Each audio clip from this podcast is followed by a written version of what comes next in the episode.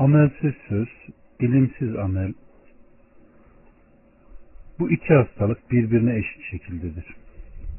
İkisi de ümmetimize isabet eden kötü şeylerdendir. Ümmetin vücuduna girip kuvvetini yok eden kötü hastalığın zararlarından daha zararlıdır. Amelsiz söz Yüce Rabbimizin gazabını getirir. Kişiyi nifaha sokar. Vakitleri boşuna heba eder, güçleri yok eder. Bundan dolayı amel etmeksizin konuşanlar Allah'ın gazabı ve hoşnutsuzluğunu hak ederler. Ey iman edenler! Yapmayacağınız şeylerin için söylüyorsunuz. Yapmayacağınız şeyleri söylemeniz Allah katında büyük bir nefretle karşılanır diyor Rabbimiz Subhanahu ve Teala. Saf 3 ve 4'te. Kıyamet gününde kul şunlardan sorulmadan bir adım dahi atamaz.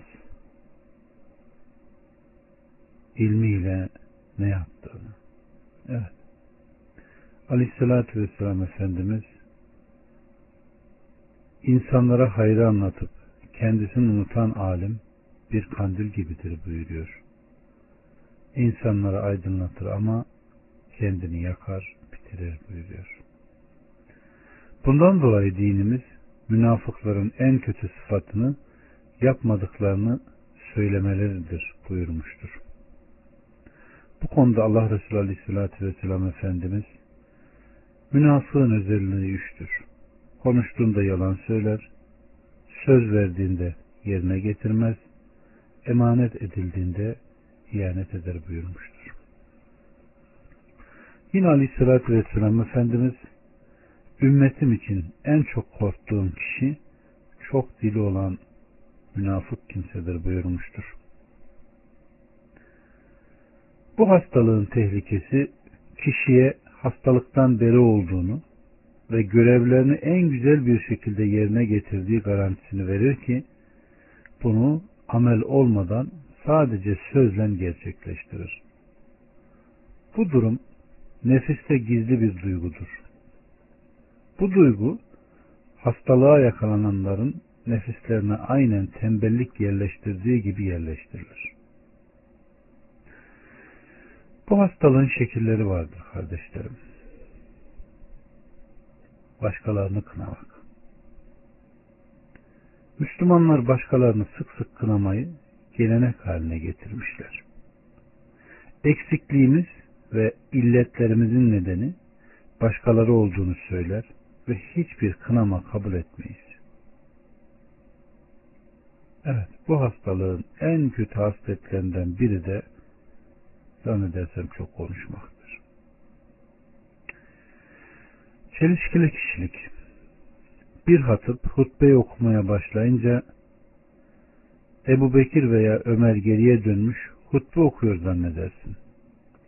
Ancak hutbeden inince nasihata ihtiyacı olan başka bir kişi haline dönüşür.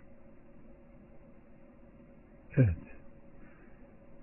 Psikolojiden anlayan kişiler bu kişiliğe çelişkili kişilik derler ki bu hastalık bu ümmette çoğalmıştır.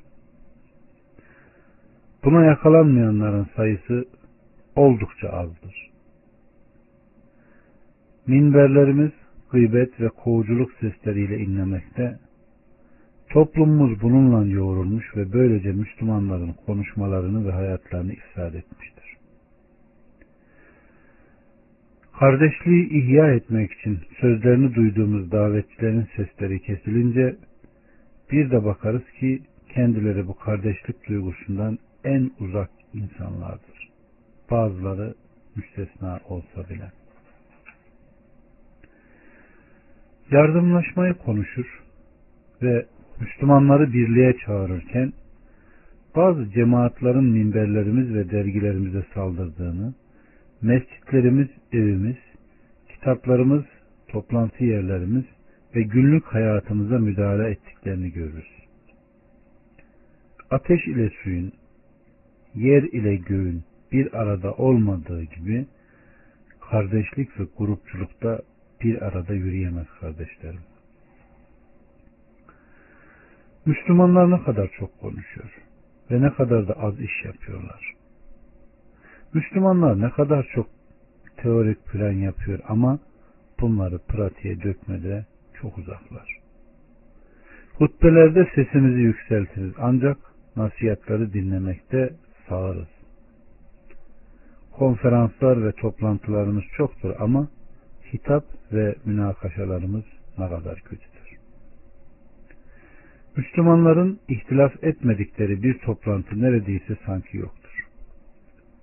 Sanki toplanmamaları daha hayırlıdır. Kararlaştırılan işi uygulamada hiçbir olumlu yanımız yoktur. Birbirimizi kafirlikten suçlarız.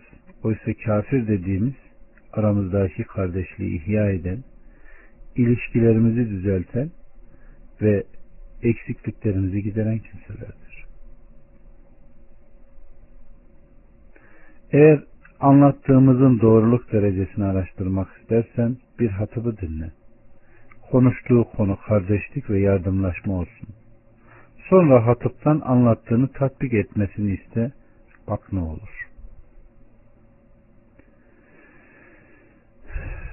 İlimsiz amel eğer aşırı kınama ve çok buğuz etmek ilmi olup da amel etmeyenlerde oluyorsa ilimsiz amel edenler zaten bu hatalardan kurtulmazlar. Belki de bu hastalık, kötülük, fesat ve belalardan aşağı değildir. Kaldı ki iman ve tevhid ilimsiz olmaz. Doğru yoldan sapanlar ve haktan inhiraf edenler ilimsiz amel ve Allah'tan bir delil olmadan saptılar. Bundan dolayıdır ki İmam Buhari sahinde şu başlığa yer vermiştir. Söz ve amelden önce ilim. Yüce Rabbimiz müşrik ve ehli kitabı ilimsiz amel ettiklerinden dolayı kınamıştır.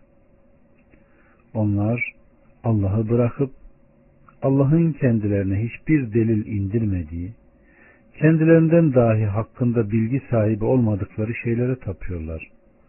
Zalimlerin yardımcısı yoktur buyurmuştur. Hac 71'de. Yine Rabbimiz Subhanahu ve Teala hakkında bilgin olmayan şeyin ardına düşme demiştir. İsra 36'da. Ve yine Subhanahu ve Teala insanlardan kimi de ne bir ilim, ne bir rehber ve ne de aydınlatıcı bir kitaba dayanmaksızın Allah hakkında mücadele eder buyurmuştur Hac 8'de. Ve Aleyhisselatü Vesselam Efendimiz de ilimsiz fetva verene beddua etmiş ve onu öldürdüler. Onu öldürdüler. Allah da onu öldürsün buyurmuştur. Evet, ilimsiz amel eden kişinin örneği gece vaktinde odun toplayan kişiye benzer. Belki de kaldıracağı odunun altından yılan çıkar ve onu ısırır. İlimsiz amel edenler Hristiyanlara, amelsiz ilim sahibi olanlar da Yahudilere benzer kardeşlerim. Neyden sakınacağını bilmeden nasıl sakınırsın? İşte bu ümmetin baş belası budur. Ya ilimsiz amel ya da amelsiz ilim. Toplantılarını heba edenlere yazıklar olsun.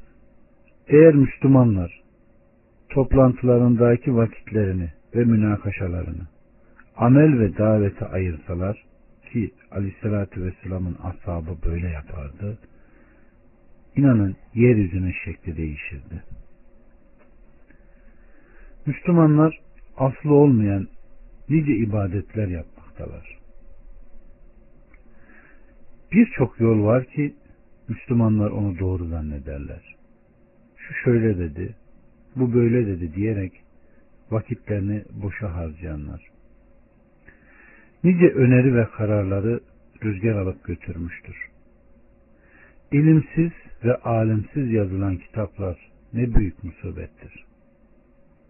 Eğer söylediğimiz şeyde şüphe varsa durumumuza göz gezdir. Sonra bir daha göz gezdir. Muhlis birinin gördüklerinden pişman bir şekilde gözü döner. Gayretimizin azlığı, seslerimizin yüksekliği, dillerimizin uzunluğu, amelimizin azlığına, kitaplarımızın çokluğu, alimlerimizin azlığına kütümser. Minberlerimizin güzelliği, ahlakımızın kötülüğüne şaşkın. Mescitlerimizin büyüklüğüne, yardımlaşmamızın zayıflığına üzgün. Hatıplarımızın çokluğu, fakih ve eğiticilerimizin azlığına müteessif. Konuşmayı ne çok sevimli, ameli de ne kerih gördük. Birbirimizi kınamamız ne çok, hatalarımızı itiraf etmemiz bize ne kadar sevimsiz geldi. Sanki Müslümanlar münakaşalarının temelini kötü ahlak, yüksek ses, başkalarının sözünü kesme, her konuda ihtilaf, her görüş sahibinin kendi görüşüyle hoşnut olması ve başkalarının sözlerini hafife alması gibi konulara ayırmışlar. Buluşlarının amaçları itham ve kötü zanda buluşmak. Çok söz edip çok kararlar almak ve az iş yapmak. Şu şöyle dedi, bu böyle dediğiyle uğraşmak ve vakitleri öldürmek. Müslümanlar maalesef şu konularda anlaşmışlar. İnsafsızlık, sadece tek taraflı dinlemek, amel edenleri kıskanmak ve muhlisleri alıkoymak. Kendilerini her tür kusur ve mağlubiyetten arındırmak, buna din düşmanlarını bahane etmek. İşte acı durumumuz budur kardeşlerim. Bu durumu Allah'tan korkanlar ağlar, doğrular üzülür. Sammilerin ciğerleri dağlanır. Samimi bir şekilde dinimizi de dönünceye, samimi bir şekilde selefimizin gidişatına uyuncaya kadar bu böyle kalacaktır. Allah'tan korktukları kadar korkalım, amelleri kadar amel edelim. İşte o zaman başımız dik tutar, dünyada üstün ve ahirette mükafata erenlerden oluruz. Rabbimiz Subhanahu ve Teala'nın dediği gibi takva sahipleri cennetlerde ve ırmakların kenarlarında güçlü ve yüce Allah'ın huzurunda gerçek bir makam üzerindedirler. Kamer 54 ve 55'te.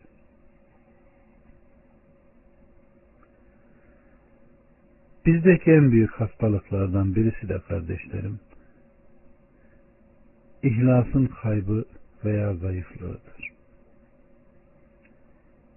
İhlas her amelde bir rukundur. Bu amel ister dünyevi, ister uhrevi olsun.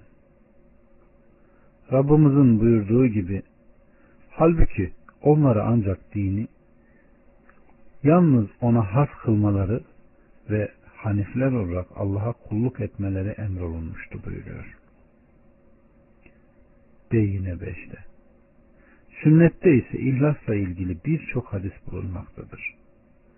Bütün bu hadisleri Aleyhisselatü Vesselam'ın sözü anlam olarak kapsar.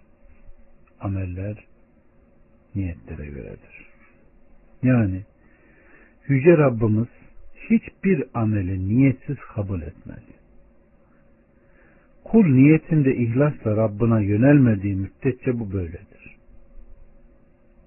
Bir kısım alimlerimiz şöyle demiştir. Ey nefsim çok ağlarsın. Samimi ol ki kurtuluşa eresin. Biliniz ki kafirler kendi işlerinde samimi oldukları için başarıya ulaştılar kardeşlerim. Müslümanlar ise Rablarına karşı ihlaslı olmadıkları için başarısızlığa ulaştılar. Her iş ancak ihlasla tamamlanır. Her fert ancak onunla kurtulur. Her şey Rabbinin izniylendir. Hiçbir amelde ihlas ve ittibadan başka bir şeyin şart olduğunu görmedim. Bu ister amelin azı veya çoğu olsun, isterse bireysel veya toplumsal olsun fark etmez. İhlasın her işte bulunması vücuttaki kanın varlığı gibidir. Hiçbir damar ve mafsal kansız olamaz. Mafsal ve damarlar kansız bırakılırsa ölür ve hareketten kesilir. Amel, sadaka, cihat ve davetimiz ihlasın yokluğundan başarısız oldu. Bunları ancak ihlas ve ittiba düzeltir kardeşlerim. Eğer gerçek manada ihlaslı olsaydık, Müslümanlar bu kadar zillet, dağılma ve zayıflık sürecine girmezlerdi. Eğer gerçek anlamda ihlaslı olsaydık, birbirimizin kanını akıtmazdık. Mücadelemizde boşa çıkmaz ve düşmanlarımız bizlere galip gelemezlerdi. Yine eğer gerçek bir şekilde ihlaslı olsaydık, aramıza ne bölücülük girer ne de ihtilaf büyürdü. Ki bu ihtilaf ümmetin vücuduna girmiş, huduz hastalığı gibi hiçbir eklem ve damarı sağlam bırakmamıştır. İhlas kaybından sonra özellikle küfrün elinde bulunan dünyevi müesseselerde planlar yapılır, projeler çizilir, müdürler görevlerinden alınır, görevler değişir, insanlar kovulur, çalışanlardan neredeyse hiçbir ses duyamazsın. İslami müesseselerde ise bir müdürün işine son verirsen veya katibin işini değiştirirsen bir hata yaparsan kıyamet kopartılır. İşler alt üst olur. Bir defasında bir okulun müdürü azledince yer yerinden oynadı. Şehir sallandı ve caddelerde mitingler yapıldı.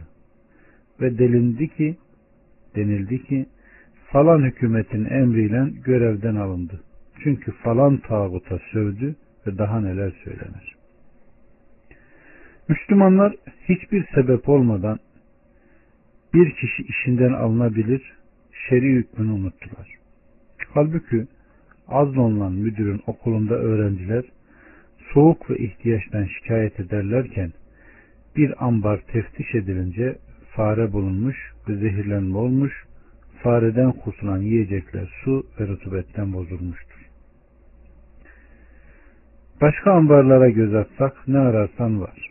Un, yağın üzerinde, yağ elektrik lambalarının üzerinde vesaire vesaire. Okulun düzenine gelince tam düzenli ve eksiksiz söylenirse ki söyleyen kişi de müdür olur ve müdür görevinden alınırsa o zaman düzende onunla beraber gitmiş olur. İşte mücadele yapıp tağutlarla savaştığını iddia eden Müslümanların ölçüsü de budur. Allah'a yemin olsun ki bizler içimizdeki tağutlarla savaşmadıkça Allah yeryüzü tağutlarına karşı bizlere yardım etmez kardeşlerim. Hüküm ancak Allah'ındır. Kendinde ve bulunduğun yerde başkasından önce senin toprağında senin kendinde uygulamandır. Başkasında değil. İşte bunu bir düşün. Bu olay ferdi bir şey değildir. Bilakis İslam'ı müesseselerde meydana gelen bir olaydır. İhlas kaybının arkasında Müslüman diyarlarını saran sadece bu olaylar olsa o zaman ihlassız her ameli iptal eden gök ve yerin Rabbi huzurunda ince bir hesap önünde ve korkunç bir duruşma karşısında dünya musibetleri hafif kalır. Onların yaptıkları her bir işi ele alırız. Onu saçılmış zerreler haline getiririz, değersiz kılarız diyor Rabbimiz Subhanahu ve Teala. Böyle bir durumdan sonra hayatın ne önemi var? Bu felaketten daha büyük bir felaket olur mu? İhlasın meyveleri. Bil ki kardeşim, ihlasın bireysel ve toplumsal meyveleri vardır. Bireysel meyvelerinden birisi Allah Azze ve Celle'nin kalbi diri tutmasıdır. Böylelikle mümin arkadaşlarına karşı alçak gönüllü olur, yumuşak, nefsin arzuları ve dünya zilletinden uzaklaşması ve dünyada zühd sahibi olması gerekir. Böyle olunca da Müslümanlar arasında ihlasın toplumsal meyveleri ortaya çıkar. Şefkat, merhamet, istişare, yardımlaşma, feda etme gibi meyveler ortaya çıkar ki toplumlar bunun üzerine bina edilir. Düşman silah ve hutbelerle öfkelendirilmeden önce bunlarla öfkelendirilir. Toplumsal yapımız bu sağlam esaslardan meydana gelirse dünyevi menfaatler üzerine değil o zaman ihlasın meyvelerini toplamaya başlarız. O meyvede Allah'ın yardımı ve yeryüzünde güç sahibi olmadır. İhlas ve otorite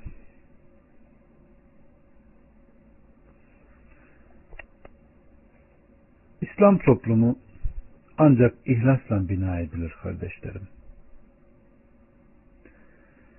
Müslümanlar Allah'ın rızasını elde etmek üzere güçlü olabilmek için çalışmaları ve başlarına bir musibet dahi gelirse bu rızanın dışına çıkmamalarıdır. Tıpkı İslam'ın ilk yıllarında olduğu gibi. Müslümanlara ambargo yapıldığı, fakirlik ve açlık etraflarını çepeçevre sardığı halde imanları ve Allah'a bağlılıkları kat kat arttı. Bu kadar sıkıntı içindeyken müşrikler onları satın almaya çalıştı fakat onlar olan güçleriyle direndiler. Böylelikle dinlerine sımsıkı sarılıp peygamberlerine tabi oldular. Bu da ihlas, samimiyet ve doğrulukları nedeniyledir. Bundan kalpte otoriteyi yerleştirmeden yeryüzü otoritesi için mücadele veren davetçilerin hatası böylelikle ortaya çıkmaktadır. Bu davetçiler insanlara şunu aşılamaktalar. Pahalılık çoğaldı, mallar yağmalandı, ekonomi alt üst oldu. Sanki bu davetçiler fiyatları düşürüp ekonomiyi düzeltecekler. Yaptıklarının faturası onlara çıktı. Hayalleri de boşa çıktı. Bunun nedeni Aleyhisselatü Vesselam'ın terbiye ve davet metoduna yüz çevirmeleridir. İhlas nedir kardeşlerim? İhlasın tarifine bakacak olursak birçok Müslüman ve davetçinin yitirdiği ihlas öyle ince bir şey ki tarif edilemez ve öyle yücedir ki bir sayfada veya iki sayfada tarifi yapılamaz. Çünkü ihlas kalbin hayatıdır. Allah'la beraber olmanın yoludur kardeşlerim. Muhlis ibadetinde geçici bir karşılık istemeyen, amelinde dünya menfaatine yönelmeyen ve sadece ahiret hayatı için çalışan kişidir. İhlas ile ise alimlerin dediği gibi nefsin istek ve arzularını kırma, dünya isteklerini koparma ve kalbe galip gelinceye kadar ahiret uğruna çalışma anlamına gelir. İhlasın özelliklerinden dünyada züht, dünyaya dalan kimse nefsini kontrol etsin.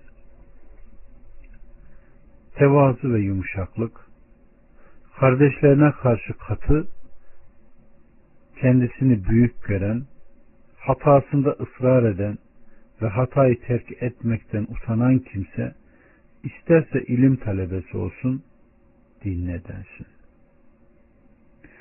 nefsin isteklerini intikam duygusuyla terk etmek. Yalnız Allah için bunu yapmak. Yaptığı iyiliğe karşılık talep etmekten kendini frenlemesi, buna karşılık eziyet gördüğünde veya karşılığı verilinceye iyilik yapmayı terk ederse o zaman ihlasını kontrol etsin. Muhalif ve karşıt görüşlü olana karşı susup dinlemek. Böylelikle karşındakinin sözünü anlamış olursun. Bunun tersi muhalif olana kulaklarını tıkayıp dinlemeden önce cevap hazırlamaktır. İhlası elde etmeye yardımcı olan bazı unsurlar vardır kardeşlerim. Yüce Rabbimizin büyüklüğü ve yüceliğinin bilinmesi. Kalbin onun kemal sıfatlarını bilmesi, Allah'ın her yerde kişiyi gözetlediği ve kuşattığını ki şüphesiz ki Allah her şeyi gözetleyendir. Görme ve işitmesiyle kişiyi kontrol ettiğini, her şeyin zahir ve batınını bilen ilmini düşünmesidir. O ilktir, sondur, zahirdir, batındır, her şeyi bilendir. İhlası gerçekleştirmekle büyük mükafatı elde etmek, zikre değmeyen bir menfaat ve öğrenmeye yönelik bir maslahat, elde etmeden onu kaybetmekle büyük mükafatı kaybedeceğini idrak etmek. Gösteriş yapıcı değil, bozucudur. Zararlı ve faydasızdır. Allah'ın dışındaki her şeyden yüz çevirmek ve kalbi sadece Allah'la meşgul kılmak. Bu da insanların yaratılmış olduğunu bilip tümünün aciz, fayda ve zarar vermeyen ölüler gibi olduğunu düşünmekle gerçekleşir. Bakın Allah Resulü Aleyhisselatü Vesselam ne diyor? Bil ki bütün ümmet sana faydalı olmak için toplansa Allah'ın sana yazdığı hariç yine de fayda veremez. Ve sana zarar vermeye kalksalar Allah'ın yazdığı hariç yine de zarar veremezler. Kalemler kaldırıldı, sayfalar kurudu diyor. Bizi saran hastalıklardan birisi de kardeşlerim, heva ve hevese karşı gücünü kaybetmek. Akıllı kimseyi durduran ve düşünceye sevk eden durum, sahabe-i kiram hiçbir zaman heva ve hevesine tabi olmamış ve dolayısıyla işlerinden hiçbirisi harici, şii veya kaderi düşüncesini taşımamış olmasıdır. Onlardan bazen hata ve günah sadır olmasına rağmen heva ve hevese tabi olma, bidat ve tahrif olmamıştır. Yerin gökten uzak olduğu gibi onlar da bu tür yakıştırmalardan uzaktırlar. Onlardan biri bir yere yerleştiği zaman zifiri karanlıkta bulunan bir lamba, ışık misali olurlardı. Hatta onlardan bir fert bir ümmet gibiydi. Allahu Teala hak ve sünneti onlarla canlandırır, heva, heves ve bidatı onlarla yok eder. Kendisine güvenen kimsenin duruşması veya hakimin sanık kişiye karşı tutumu gibi onlar da heva ehline karşı durmuşlardır. Bakın Abdullah İbni Ömer'in kadercilik hastalığını çıkaran kader inkarı olan insanlara karşı söylediğine bakın.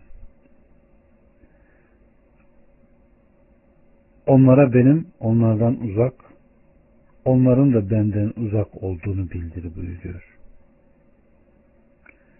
Eğer Abdullah İbni Ömer aramızda olup bu sözü kullansaydı belki de ona şöyle denilirdi. Sen kimsin? Biz de senden uzağız.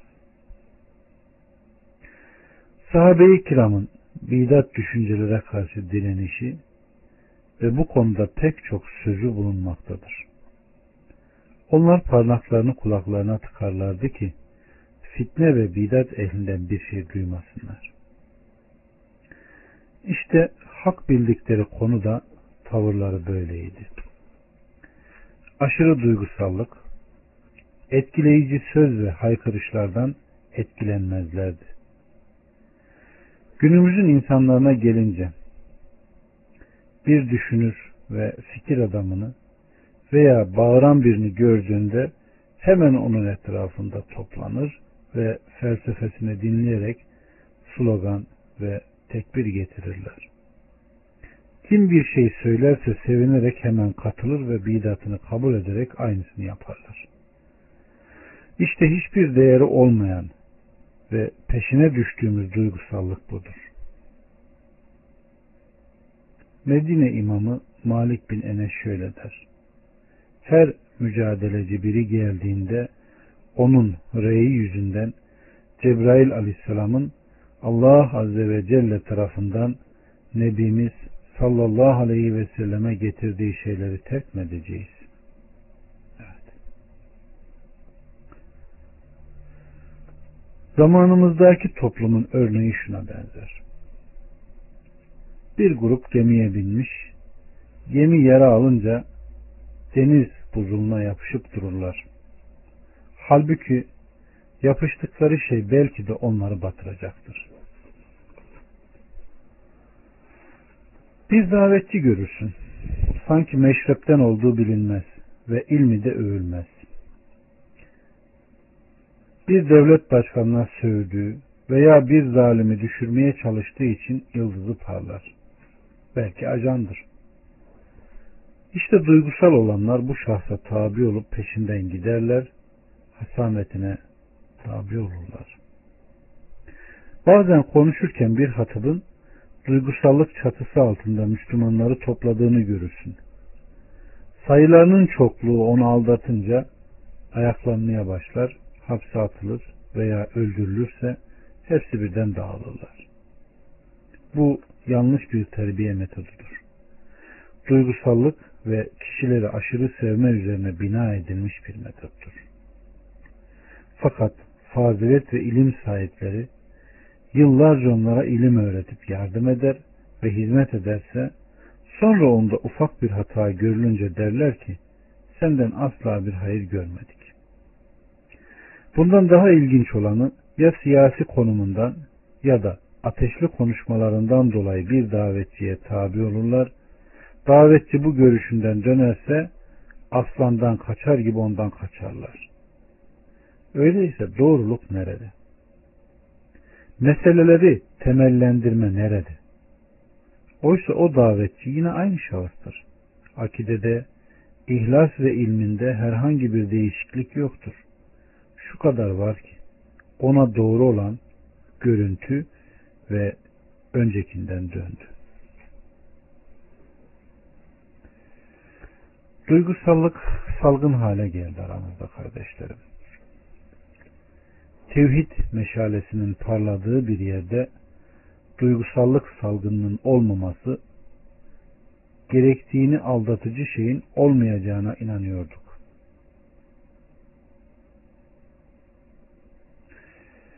Duygusallık salgını vücuda sirayet eden hastalıklardan daha tehlikeli ve etkili, daha tehlikeli ve etkili olmuştur. Şayet insanların terbiyesi duygusallık ve heyecanlarını hareketlendirme üzerine kurulmasaydı bu hiçbir zaman köpük olmayacaktır. Eğer insanların eğitimi tevhid, ahlak, ilim, ihlasa bina edilmemiş, akide ve ibadetin tasih ve ıslahına olunmamışsa ki insanlara fayda veren de budur o zaman onlara fayda veren hiçbir şey yok demektir. Davetçilerin bir kısmı ümmeti aşırı duygusallığa sevk etmekte, temelini atmadan devlet düzeni için çalışmakta, bunu yaparken de güç ve silah kullanmaktalar. Bu durumda kendilerini ve insanları aldatmakta ve köpük üzerine hayal kurmaktadırlar.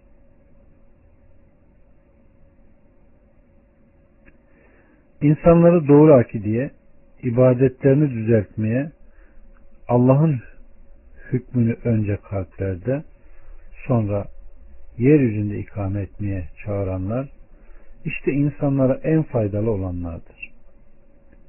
Zaten bu yolda olanlar peygamberin sünnetine tabi olmuşlardır.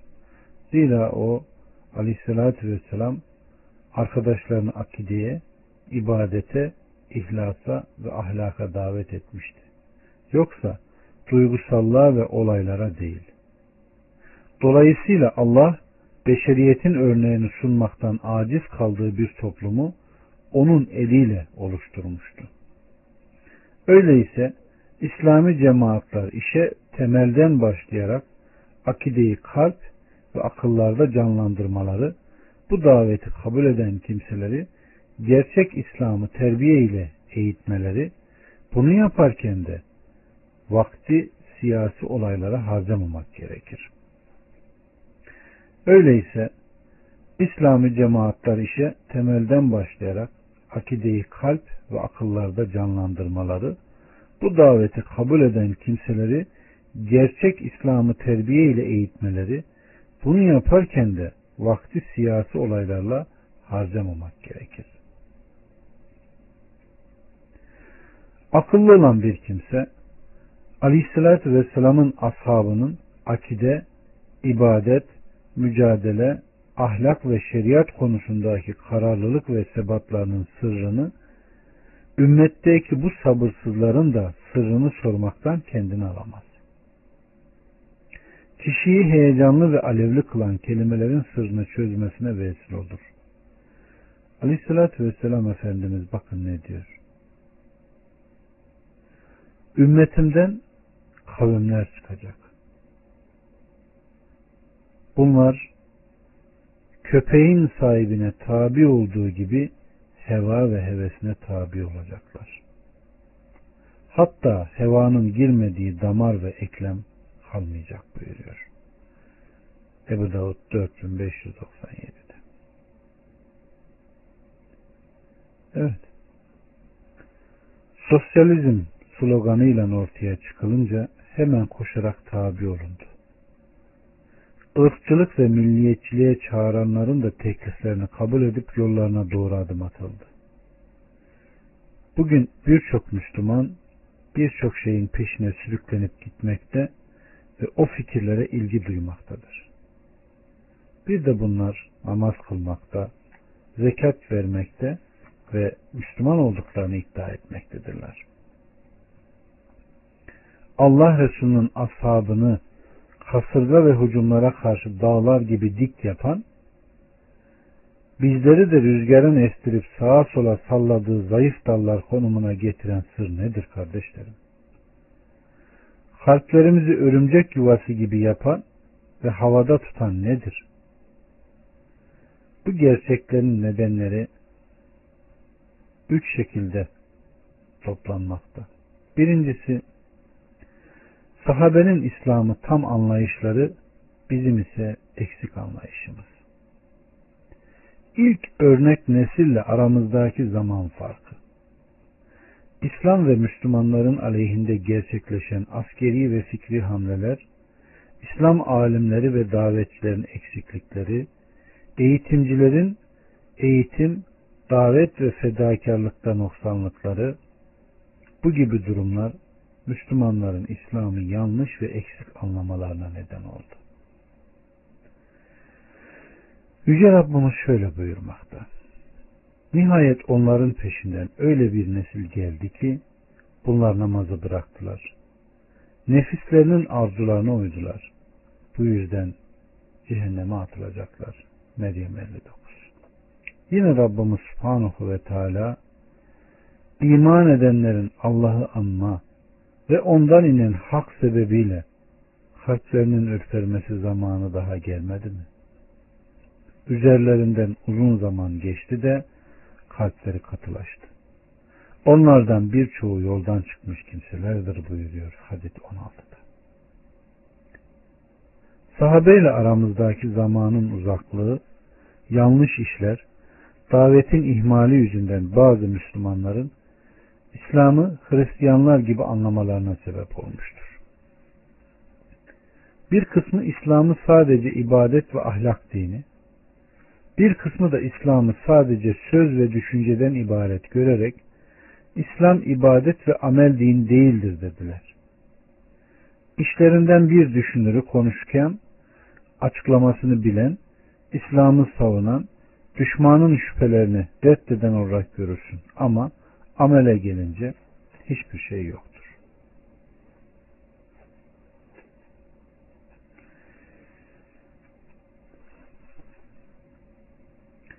Bir öğrenci öğretmenine şöyle der. Sakalını tıraş ediyorsun, elbiseni uzatıyorsun. Hazreti Peygamber'in elbiselerini terk edip Yahudilerle Hristiyanların elbiselerini giyiyorsun. Altın yüzük takıyorsun ama şeriat fakültesinde ders veriyorsun. Bu nasıl olur? Öğretmen şöyle cevap verir. İslam'a muhalefet ettiğim şeyler sadece bunlarla iş kolaydır. Senden gizli kalan şeyler bundan daha büyüktür. İslam'ı anlayışları yanlış olanlar, niyetleri bozuk, sözleri karışık, heva ve heveslerini kitap, sünnet, Hulefai Raşidi'nin eski ve yeni alimleri tercih ederler. Ve derler ki, sanki vahyin sahibidirler. İslam ibadet dinidir. Siyaset ve hüküm dini değildir. Bu sözleriyle Allah'ın kitabını tahrif edip ayetlerinden neshederler. Rabbimiz hüküm ancak Allah'ındır buyuruyor. Yine Rabbimiz bilesiniz ki yaratmak da emretmek de ona mahsustur. Yine Rabbimiz yoksa onlar cahiliye idaresini mi arıyorlar? İyi anlayan bir topluma göre hükümranlığı Allah'tan daha güzel kim vardır buyuruyor. Aleyhissalatü Vesselam'ın sünneti terk edilip alay edilir oldu. Hükmün Allah, Resulü ve müminlere ait olduğunu kabul etmezler. Nitekim Allah'ın Resulü Aleyhisselatü Vesselam Efendimiz kulp kulp İslam'ı bırakacaksınız. İnsanlar bir kulpu bırakınca diğerini terk etmek isterler. Birinci kulp hüküm, sonuncusu ise namazdır buyurmuştur. Bütün bu delillere ve ilk Müslümanların bulunduğu yola rağmen dalalette ısrar ederler. Efendilerine ve şehri arzularına tabi olurlar. Temel ve eğitimde bunların hiçbir ilgisi yoktur. Yalnız tehlikeli oluşlarından ve kötülüklerinden sakınmak gerekir. İkincisi kardeşlerim, bizim kalplerimiz ve onların kalpleri. Sırlardan biri de sahabenin sebatıyla bizim zafiyetimiz arasındaki sırdır. O da şudur. Müslümanların çoğunda samimiyet azlığı, iman zayıflığı ve gaye basitliği vardır. Kalplerinde Allah'ın azametini hissetmezler. Allah'ın sıfatlarını gerçek manada bilmezler. Ya da kendi çıkarları için dünyaya dalıp peşinden gider ve yalan propagandalarının arkasından koşarlar. Dolayısıyla İslam'ın dışında bir slogana davet edilince hemen peşine düşerler. İslam'a hala tabi olduklarını zannederler. Aleyhissalatü Vesselam Efendimizin şu sözü onların halini doğrulamıştır. Lakin o, o zaman selin üstündeki köpük gibidir. Evet. Üçüncüsü, Müslümanların çoğunun eğitiminin kötü olmasıdır. Özellikle davet yoluna intisap edenler böyledir. Eğitimdeki bazı hatalara işaret ettik önce. Özellikle eğitimde meseleleri temellendirme konusu bu cümledendir. Gelecek konuda eğitim hatalarıyla birlikte bu meseleye de girilecektir. Evet. Engellerden birisi eğitimin kötü olması. İslami uyanış ortaya çıkıp hatalı anlayışların düzeltilmeye başlanmasıyla beraber bazı Müslümanlar eğitimde yeni hatalara düştüler ki bunlar İslam'ı hareketi ve birliği zayıflattı. Bu hataların bazıları şöyle kardeşlerim. Birinci hata İslam'ın eğitim konusunda siyaset ve otoriteye indirgemesi.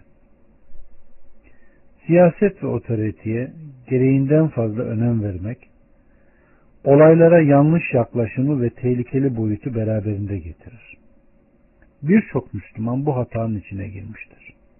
Hatta öyle hale geldi ki bazı davetçiler çabalarını sadece siyasi otoriteye, olaylara ve İslam'ı temellere has kılmışlardır. İnsanların akide ve ibadetlerini düzeltmeyi, eğitim ve öğretimi boş vermişlerdir. Bununla sadece vakitlerini kaybedip insanları zayi etmişler. Birçok gencin içine sadece güç ve kuvveti aşılamışlardır.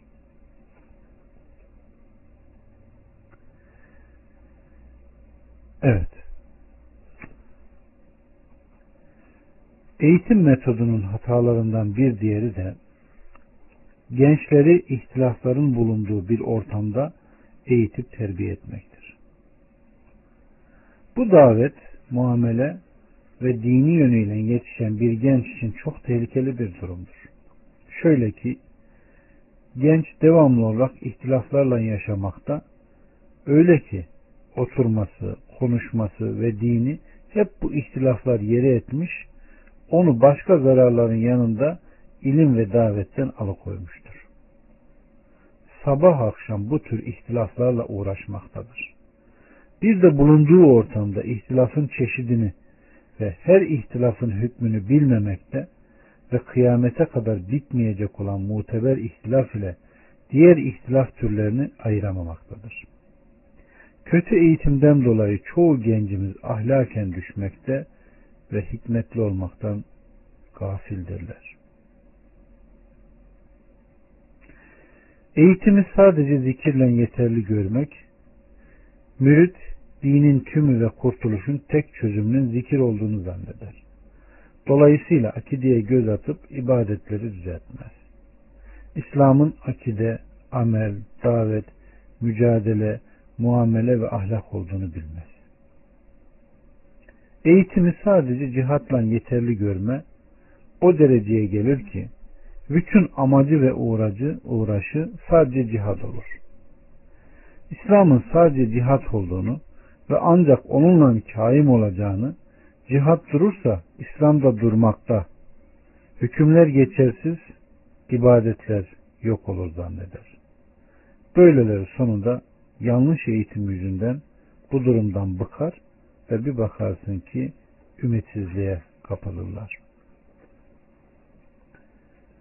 Eğitimi sadece akide üzerine yapmak yeterli değildir.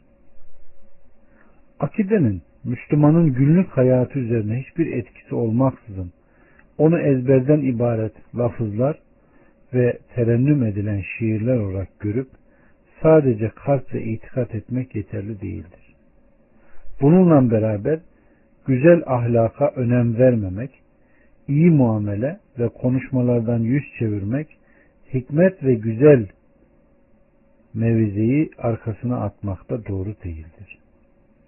Akide ile yetinenler, ahlakta muamele, yumuşak davranışlarda iyi olmasalar bile akide, akide ile kurtulacaklarını zannederler. İşte böylelerine şöyle denilir. Bu uzaklaşmanın sırrı İslam'ın asıl kapısından yani ilim, iman, tevhid ve şumullülük gibi kapılardan girilmemesi yüzündendir. Yerde bulunan zarar verici şeyleri kaldırmak da imandan sayılmıştır kardeşlerim. Eğer bu kısım dahi imandan sayılmış ise daha önemlileri nasıl sayılmasın? Bir hayvana kötü davranmak cehenneme götürüyorsa bir kadın kedisini hapsettiği için ateşe girmişse Müslüman kardeşine kötü davranmak, ona zulmetmek ve kendisinde bulunmayan bir şeyle itham etmek ateşe götürmez mi?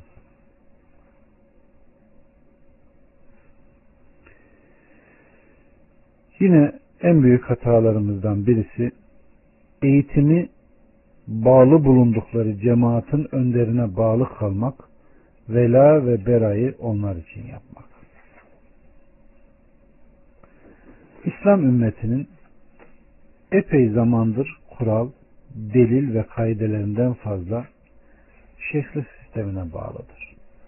Dolayısıyla mezhebi taassup, kendi mezhebine bağlı olanları başkalarına tercih etme, bu bağlılığın bir görüntüsüdür. Hatta mezheplerini sahabe, tabi'in ve kitap ve sünnete tercih ederler. İslam tarihinde bu tür nefret verici taassuplar olmuştur. Bu tür taassupların gençlerin zihninden ebediyen silinmesi gerekir. İslami uyanışın nuru kendini gösterince ıslahatçılar bu büyük hatayı ve apaçık sapıklığı düzeltmeye çalışıyorlar.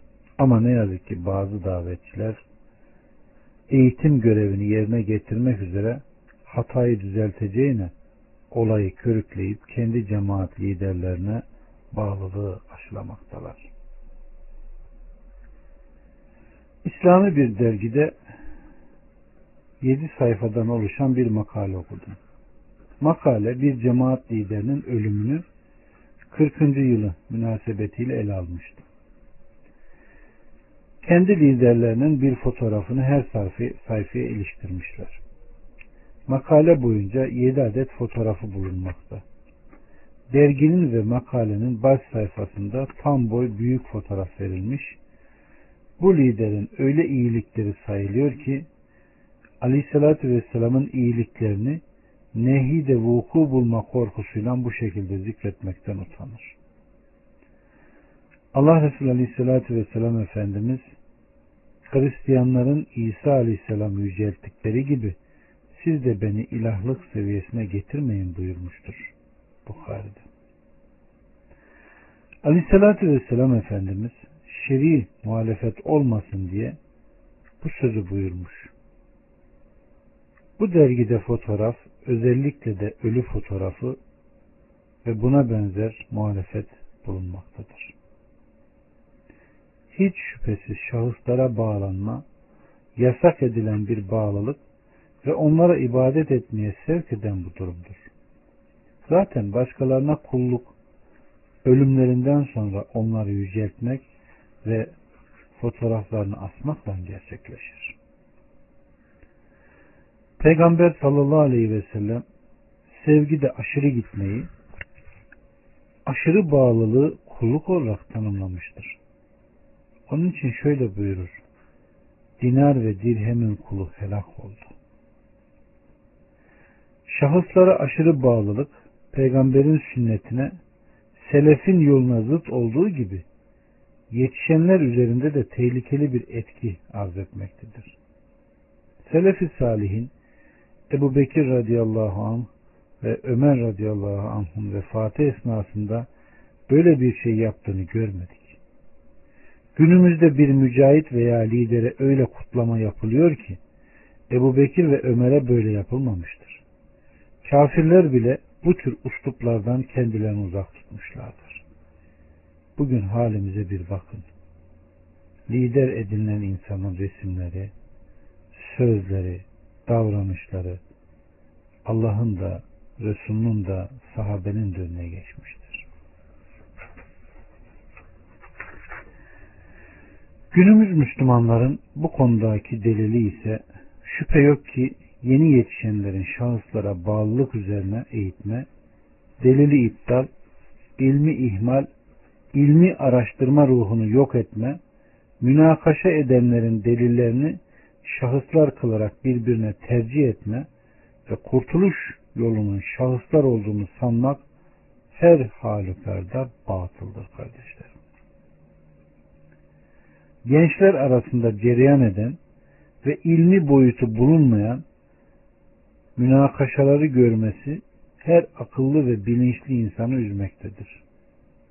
Şahıslar hakkında tartışıyor, onları delil getiriyor, ve şahıslar için birbirinin kalplerini kırıyorlar.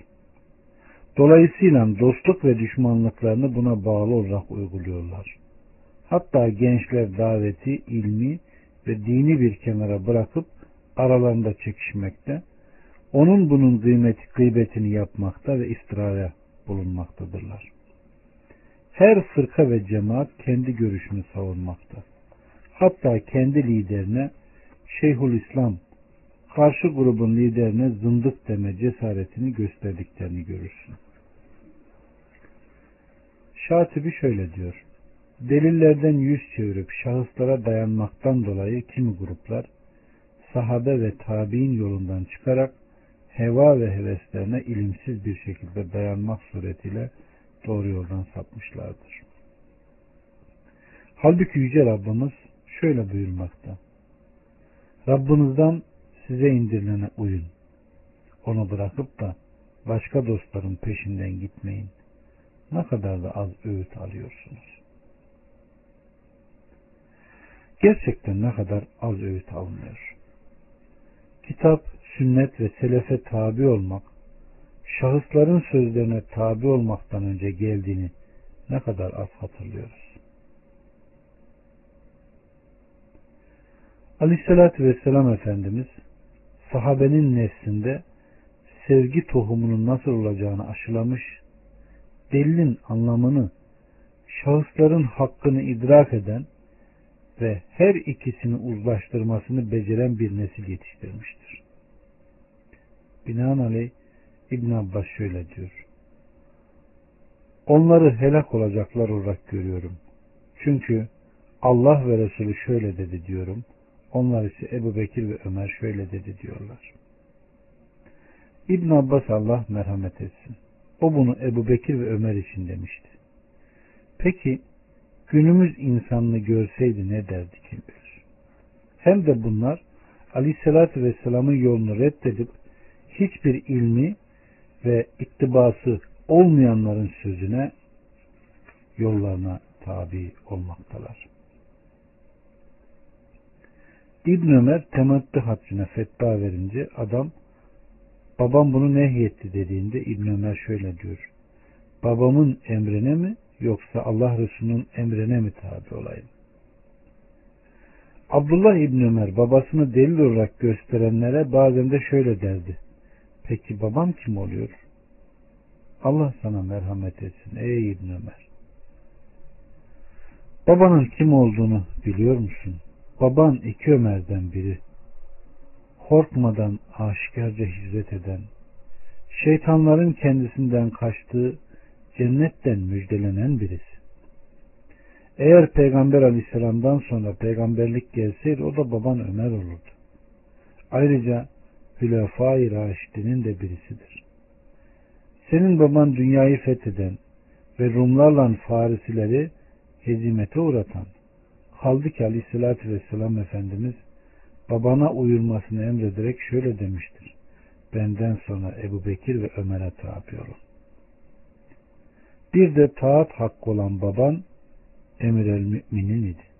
Hem de babalık yönüyle itaat hakkı olan birisi. İşte bu özelliklerden sonra baban kim oluyor demektesin. Eğer zamanımızın insanlarını görseydin ne derdin ki bilir. Günümüzün insanları öyle kişilerin peşine düşmekteler ki ne Allah'ın kitabını mutala ederler ne de Peygamber aleyhisselamın sünnetini tanırlar.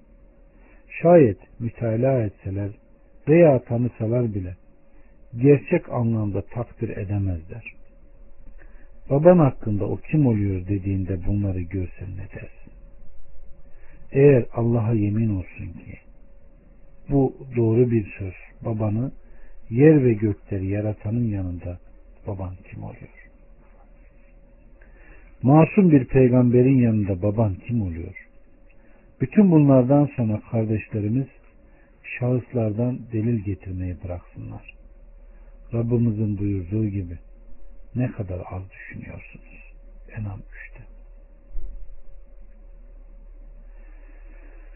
Gençliği grupçuluk üzerine eğitmek, dostluk ve düşmanlığı bu esasa bina etmek, ayrılıkların özelliklerinden birisidir. İslami merkezlerin birinde bir genç şöyle soruyor. Bir tarafta iyi, diğer tarafta kötü bir politikacı var. Cemaat kötüsüne oy vermemi istiyor. Kime oyumu vereyim? Denir ki, iyi olana oyunu vereceksin. Genç diyor ki, peki cemaatin emri ne olacak? Allah ve Resulünün emri cemaatin emrinden daha üstündür. Allah'a isyan konusunda hiçbir yaratığa itaat edilmez. Genç, eğer cemaatin görüşüne itaat edilmeyecekse, cemaatin fonksiyonu nerede kaldı? Denir ki, hangi fonksiyondan bahsediyorsun? Peki Allah ve Resulünün emrine itaat edilmeyecekse, bunun ne değeri kaldı? Müslümanların halifesine günah konusunda itaat edilmezse ne değeri olur? Dedi ki, ama cemaata itaat etmezsem olumsuz şeyler olur. Denildi ki, bu durum cemaatin organizesini etkilese bile diğer taraftan Allah'ın emrini muhalefet etmen dini durumu etkiler. Ulul emre itaatsizlik ise İslam devletinin nizamını etkilemez. Bununla beraber bu durum geçerli bir hüccet değildir. Hüccet olan Allah Resulü'nden zikrettiğimiz Allah'a isyan edilen yerde mahluka itaat yoktur delilidir. Dedi ki öyle düşünürsem cemaattan kaydımı silerler. Denildi ki eğer böyle bir cemaatte kalıyorsan masiyet emretmese bile kötüdür. Zaten belli bir cemaate bağlılık yanlıştır. Hele bir de Allah'a isyan etmeyi emrederse bu bir yanlışa diğer bir yanlışı eklemektir. İşte bakınız bir cemaate bağlılık nasıl da insanların fıtratını bozuyor. Nasıl da cemaattan kayıtlarını silmekle korkutuyorlar. Bütün bu yapılanlar Allah'ın indirmediği şeylerdir. Hatta Allah'ın indirdiğinden yüz çevirmektir. Halbuki bakın Subhanahu ve Teala Mümin erkekler ve kadınlar birbirlerinin dostlarıdır buyurmuştur. Kendilerine uyanları cemaat ve gruplara bağlı olanlar birbirlerinin dostlarıdır zihniyeti üzerine yetiştirmişler. Grupçulukta sadece Allah'ın ayetinin anlamını değiştirmeleri bunun batıl oluşuna yeterli bir delildir. Cemaate bağlı bazı yazarların sözleri ise bu tehlikeli durumları görmüyor uslupta hata eden veya aleyhissalatü vesselamın sünnetini yaşamaya çalışan bir genci fark ettiklerinde hemen onu ümmetin gücünü yok etmekle, Müslümanları bölmekle, aşırı gitmekle ve kukla olmakla suçlayan yazılar yazarlar, sözler söylerler. İnsanların fıtratını bozan ve peygamberin sünnetini reddeden, ümmeti cemaat taassubuyla bölüp parçalayan bu gruplarla Allah'a tam bağlı bulunan bunlardan daha garip insanlar gördünüz mü acaba? Resulünün sünnetini yaşayan ve sahabeye tabi olanlar bir olabilir mi? Belirli ülkelerde tek vücut, tek akide, tek metot üzerineyken Müslümanları kim böldü? Onların saflarını bölen ve kuvvetlerini dağıtan sonradan gelen grupçuluktur. Grupçuluğun tehlikesi çok büyüktür kardeşler. Ümmeti bölme ve parçalamaktan başka bir işe yaramaz. Tefrikada bulunan zararın aynısı grupçulukta da mevcuttur. Tefrika ve grupçuluk bir arada bulunan iki isimdir. Günümüzün tabiriyle çift taraflı para gibidir. Grupçuluk bu ümmeti zayıflattı birliği dağıttı. Yeni kimselerde delillerin anlamı değiştirilip yerine grupçuluk ve liderlerin sözleri delil olarak yerine geldi. Grupçuluk Allah, onun Resulü ve müminler için yapılan vela ve bera mefhumunu değiştirip kardeşliği yok eder. Şiarlara tamamen grupçuluğun öngördüğü ve fertlerine telkin ettiği şeklinde yaklaşılır. Böylelikle dostluk ve düşmanlık esası ve kardeşlik müessesesi gömülür. Grubun önem verdiği şey sadece grubu, önderleri, üyeleri ve grubun sloganları olur. İster haklı, ister haksız olsun, onların yardımına koşar, onları savunur. Ama müminlerin kardeş olduğu tek cemaat İslam cemaati ve aralarında hiçbir fark gözetmeden birbirinin hesabına hiçbir ayrım yapmadan onun ana cemaat olduğundan gafili kalırlar. Halbuki Yüce Rabbimiz şöyle buyurmakta. Dinlerini grup grup yapıp birbirlerinden ayrılan müşrikler gibi olmayın. Her grup kendi yaptığıyla övünmektedir. Enam 159 Ve Aleyhisselatü Vesselam Efendimiz İslam'da taraftarlık yoktur buyurmuştur. Yine bir sözünde taraftar olarak konuşmak İslam'da yoktur buyurmuştur. Evet. Hastalıklardan birisi de kardeşlerim temel yoksunluğu. İslam'ı cemaatlardaki gençlerin durumuna akılcı bir mantıkla yaklaşan, pratik eğitimle temel yoksunluğu bulunduğunu ve Müslümanların çoğunun duygusallık aleminde yaşayıp durduğu gerçeğini kendi gözleriyle görecektir. Gerçek işlerinde yönlendirme, gerekse münakaşa ve davranışları da böyledir. İslam ümmetinin yakalandığı büyük hastalıklar ve musibetleri temelin yokluğuna bağlamak mümkündür. Şöyle ki, asıl kaybolduğu için sebat ve ölçü de kaybolmuştur. Dolayısıyla hüsran ve kötü sonuçlar meydana gelmiştir. Farklı kitaplar ve araştırmalarda gençlerin kötü durumlara yakalandığı görülür. Gençlerden biri kederli birisi geliyor. Kızgınlık belirtileri gözlerinden okunmakta ve diyor ki sakın falandan sakın. Ne oldu diye sorulduğunda Diyor ki bu şahıs falan alemin hata yaptığını söylüyor. Peki sövüyor mu? Hayır. Peki iftiradan bulunuyor? Hayır. Tekrar sorulduğunda peki ne kötülük yapıyor bu alime? Diyor ki hayır kötülük yapmıyor. Denildi ki subhanallah Ömer ile Ali hatalarını söylüyorlar bir şey olmuyor. Fakat Zeyd ile Amr'ın hata söyleyince dünya ayağa kalkıyor. Yüce Rabbimiz biz Müslümanlardan sadece bir kişiyi masum kılmış ve sadece ona tabi olmamızı emretmiştir ki o da vahide masum olan Peygamber aleyhisselamdır. Emrettiğinde itaat edilmesi, yaptığı şeye hiç tereddüt etmeden tabi olunması gerekir. Başkasına gelince sözü alınır da reddedilir.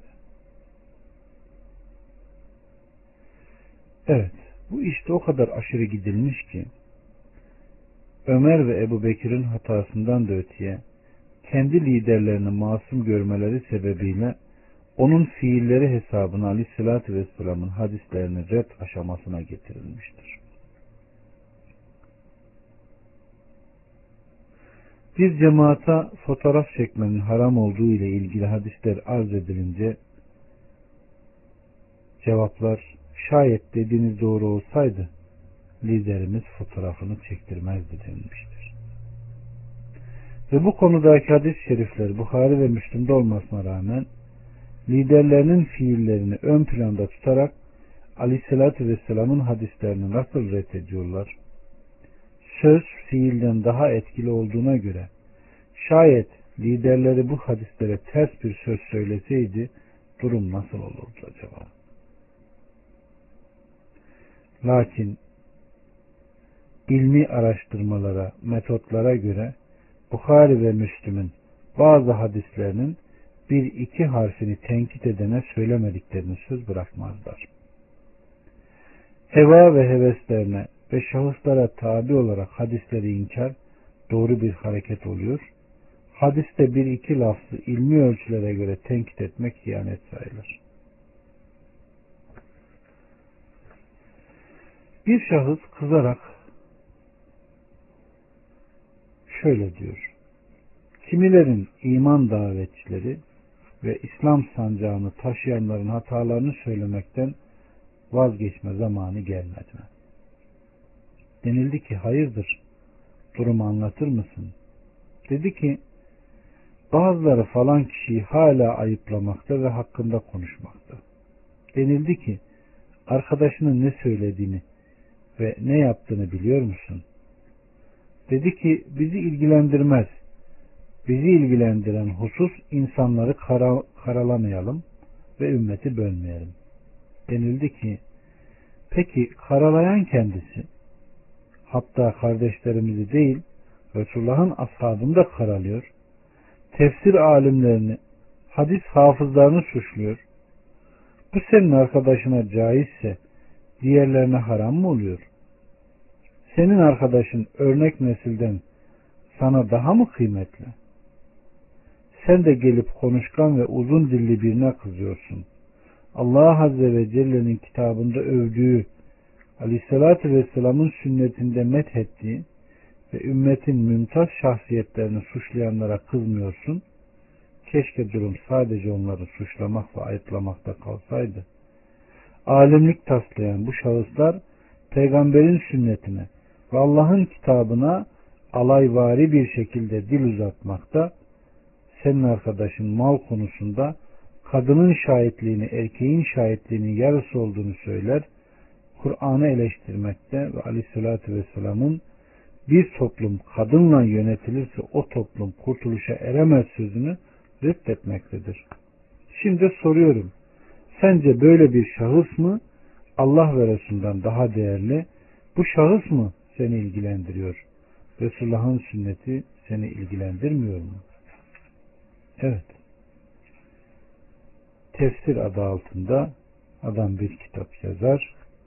Bukhari'ye, Müslüme rivayet perest Bir peygamberi aklarken bir peygamberi yalancı durumuna düşürür. Sonra da hadis ne kadar sahih olursa olsun, raviler ne kadar sika olursa olsun, akla ve mantığa uymadıkça hadis alınmaz der. Buna bizim Müslümanlar Ebul Ala mevdudu der. Ta yükseklere çıkarır. Allah Resulü Aleyhisselatü Vesselam hangi kavim ki kadını başa geçirir o kavim helak olur der. Mevdudi anayasaya kadın lider olur der, savunma yapar ve kadın milletvekilini olaylar bizim topluluk ona Ebul Ala der. Bu ve bunun gibi insanlar yüceltilirse Allah ve Resul'dan gelen hiç yücelir mi? Evet. Eğer söylediğimiz şeylerde şüpheniz varsa ve onlar tarafından aldatılıyorsanız onları deneyin. Böylelikle asla ne kadar bağlı olduğunu bilirsiniz. Onlara de ki, dinimiz ne kadar adil bir dindir. Ümmetin öncüleri hataları hutbede söylenmiştir. Ve hiçbiri dediğin zaman buna kızmazlar. Hiçbirinden de bir tane karşı koyan göremezsin. Sonra bir müddet bekle, lider veya davetçilerinin hatasını söyle. Eğer evet deyip delil isterlerse bil ki bu konuda hak üzereler. Doğru konuşuyorlar. Eğer itiraz edip karşı çıkarlarsa onların şerrinden sakın. İşte bu üzücü tablo asıla temele bağlılığı kaybetmenin bir örneğidir kardeşlerim. Asıla bağlı kalmanın anlamı insanları duygusallık ve gösterişe göre değil, ilim ve delile göre insanların eğitilmesidir. Ayrıca cemaat ve şahıslara değil, hak ve İslam'a bağlı kalmaları, bunun yanında kin ve bidatçılık üzerine değil de, ihtilaf ve ittibanın adabı üzerine yerleştirilmeleri gerekir. Böyle olursa bir alim, kendi memleketinden diye ona uymaz veya bir davetçi kendi kabilesinden olması nedeniyle onu sevmeye kalkmaz. Buna bağlı olarak bir hatabın konuşması idareciler hakkında olduğu ya da arkasında namaz kıldığı imamın sesi güzel olduğu için onu dinlemeye yeltenmez. Yahut da iman ve küfür, ilim ve akide, takva ve ittiba, Allah'ın dinini uygulama noktasından sarf nazar ederek sırf idareciler ekmek ve elektriğin fiyatını yükselttiler diye onlara karşı koymaya kalkışmaz. Asla bağlı kalmaktan kasıt, Müslümanın dininin teferruatını öğrenmeden önce esasları, örnekten önce kuralı öğrenmesi, helal ve haram telkin edilmeden önce zihninden kaybolan lafızların anlamını kökleştirmesidir. Dolayısıyla ahkamı öğrenmeden önce tevhidi öğrenir. Sünnet ve vacipleri öğrenmeden önce peygambere tabi olmanın gerekliliğini öğrenir. Kendisine bu bidattır denilmeden önce bidatın haramlılığını bilinir. Uluhiyet ve rububiyetin manası Allah'ın sıfat ve isimlerini bilmenin önemi, ibadet ve hakimiyet, kardeşlik ve yardımlaşmanın kavramı zihnine yerleştirilir. Kişinin başına gelen şey kendi hak ettiği olup başkasının yaptığı değildir kaidesi gibi imanın tadına götüren, kalbe Allah ve Resulünün sevgisini aşılayan rukun ve kuralları yerleştirilir. İşte o zaman salih bir Müslüman kimliği oluşur ki hiçbir tereddüt ve bıkkınlık olmadan ibadeti emredildiğinde yapar. Münker ve günah işlemekten nehyedildiğinde hiçbir sıkıntı ve üzüntü içinde olmaksızın hemen terk eder.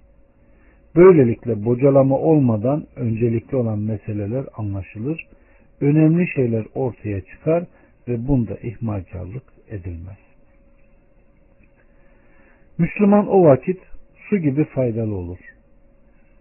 Dağlar gibi köklü olur ki hiçbir deprem onu yerinden oynatamaz. Düşman ona zarar veremez. Geçici dalgalar ve yanlış prensipler karşısında dik durur. İşte Kur'an'ın metodu budur.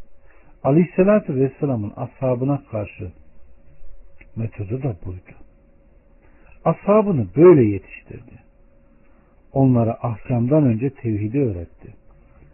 Nefislerine önce imanı aşıladı. Helal ve haram yüzünden önce ittibanın kurallarını, örnekten önce de bidatın kural ve hükmünü öğretti.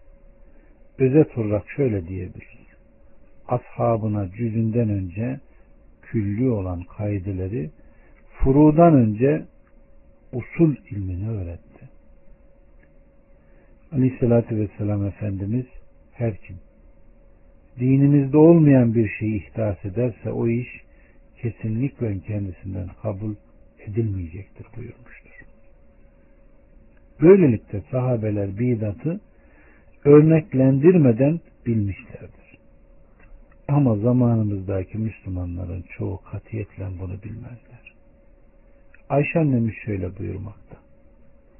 İlk inen tafsilatlı surenin ayetlerinde cennet ve cehennemin bahsi geçmekteydi.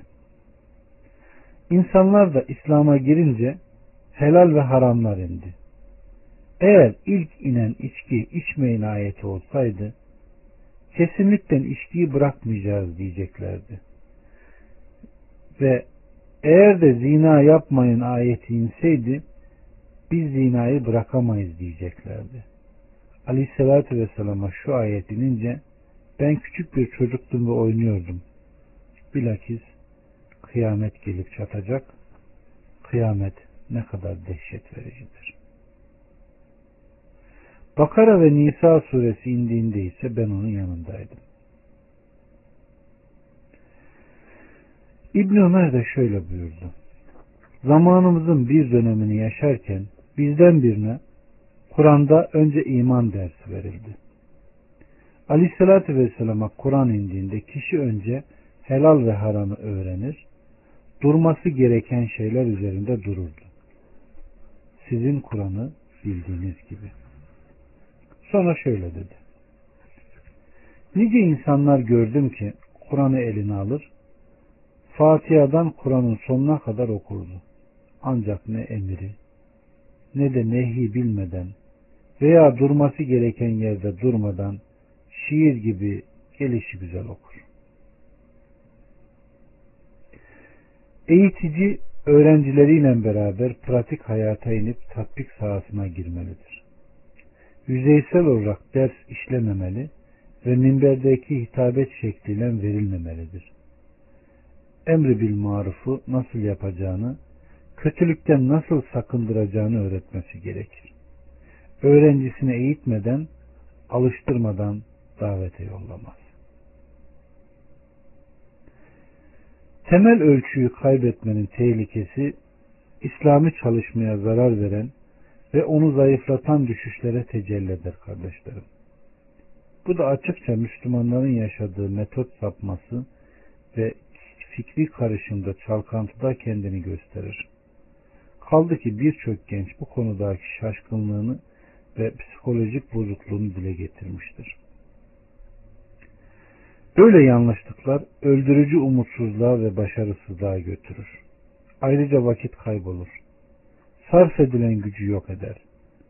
Gençler arasında meydana gelen tenkit ve suçlamalar sonuçsuz neticelere ve semerelere götürmesi, dedikoduyu kamçılaması ve aralarında kin ve düşmanlığa sevk etmesi şeklinde tezahür eder.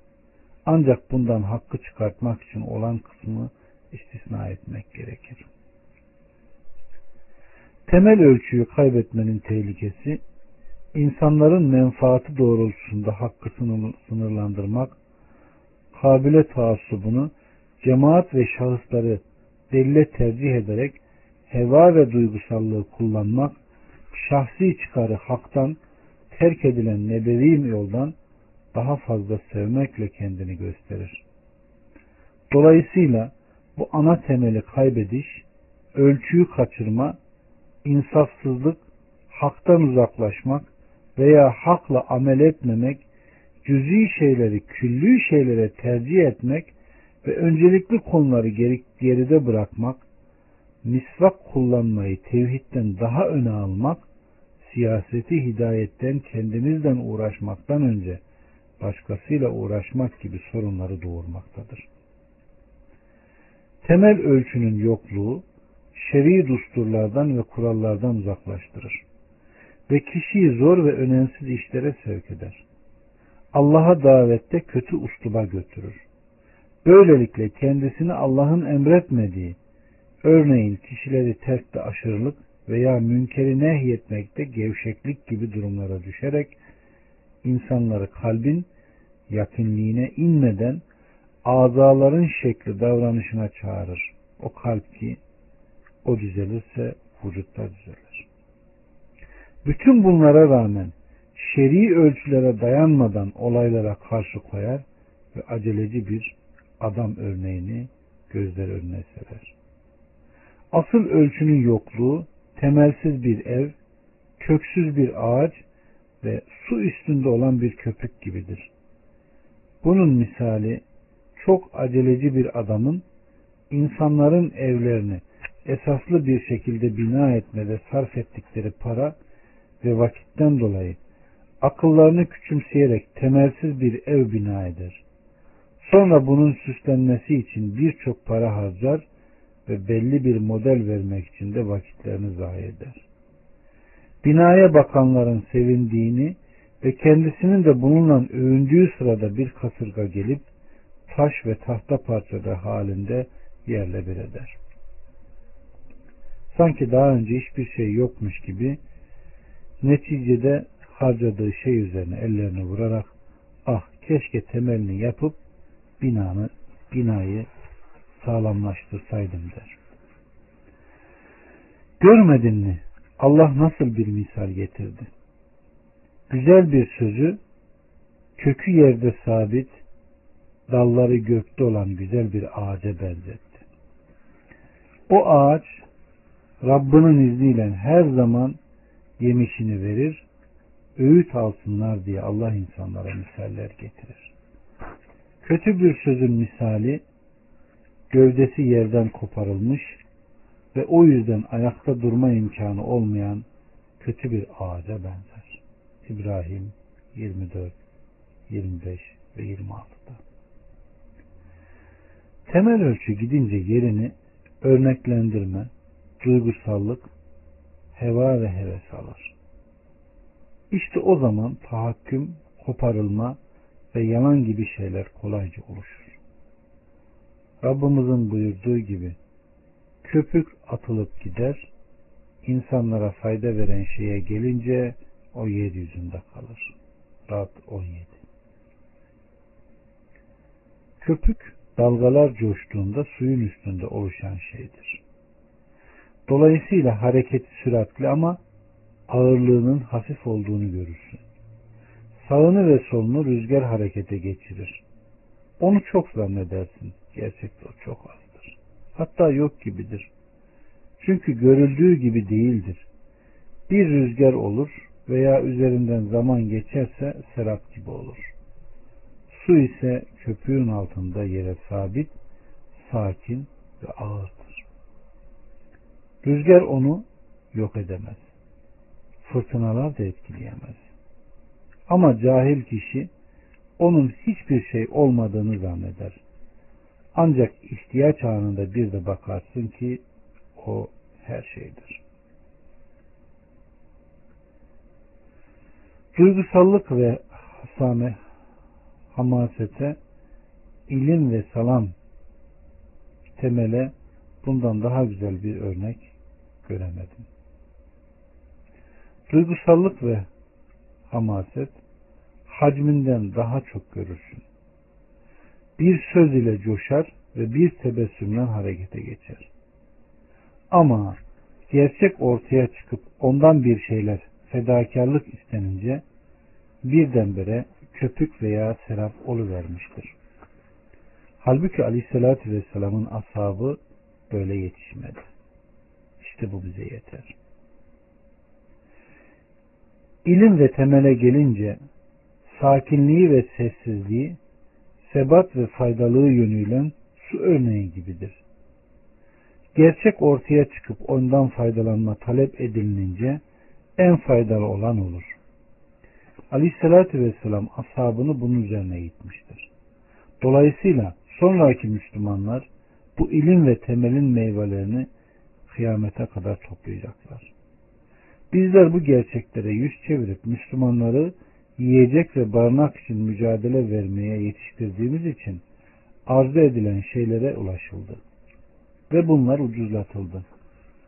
Dolayısıyla vela ve berayı menfaat karşılığında satın aldılar. Sonuçta musibetler, yorgunluk, dağılma ve hüsran gördük. Buna rağmen bu şeyleri dini devrim, İslam'ı direniş ve imanı mücadele sandık. Fakat menfaat devrimleri olmaktan öteye gitmez. Önceden toplanan meyvelerden daha iyi delil olmaz. Eskiden şöyle denilmiş. Onları meyvelerinden tanırsınız. Gerçek bu değil mi? Öyleyse olayı kim anlıyor? Ancak başarılı eğitici, uyulan olan zeki bir alim bu gerçekleri idrak eder. İşte kitap ve sünnette emrolunduğumuz gerçek budur. Aleyhissalatü Vesselam'ın tabi olduğu yol bu olayların dile getirmek istediği durum budur. Eğer bu gerçekler bilinmezse bütün ameller boşa gidecektir. Buna karşı çıkanların hangi yere döndürüleceklerini görecekler ve pişman olacaklardır. Kendilerini düzeltmeye ve temeli sağlamlaştırmaya yanaşmadıkları tedavi ve yarayı sarmaya yeltenmedikleri müddetçe sonuçları pişmanlık olacaktır. İslami uyanışın başına gelen tecrübe ve belalar bu nebevi menhecin sebatı, asaleti ve doğruluğuna her akıl ve takva sahibi için yeterli bir ibrettir. Ancak akıllı ve takva sahibi bir kimsenin söyleyeceği bir söz kalmıştır. O da Aleyhisselatü Vesselam'ın kavimlerine söylediği şu sözdür. Kavimleri davetlerini kabul etmeyince şöyle dediler. Bekleyin. Şüphesiz ben de sizinle beraber bekleyenlerdenim.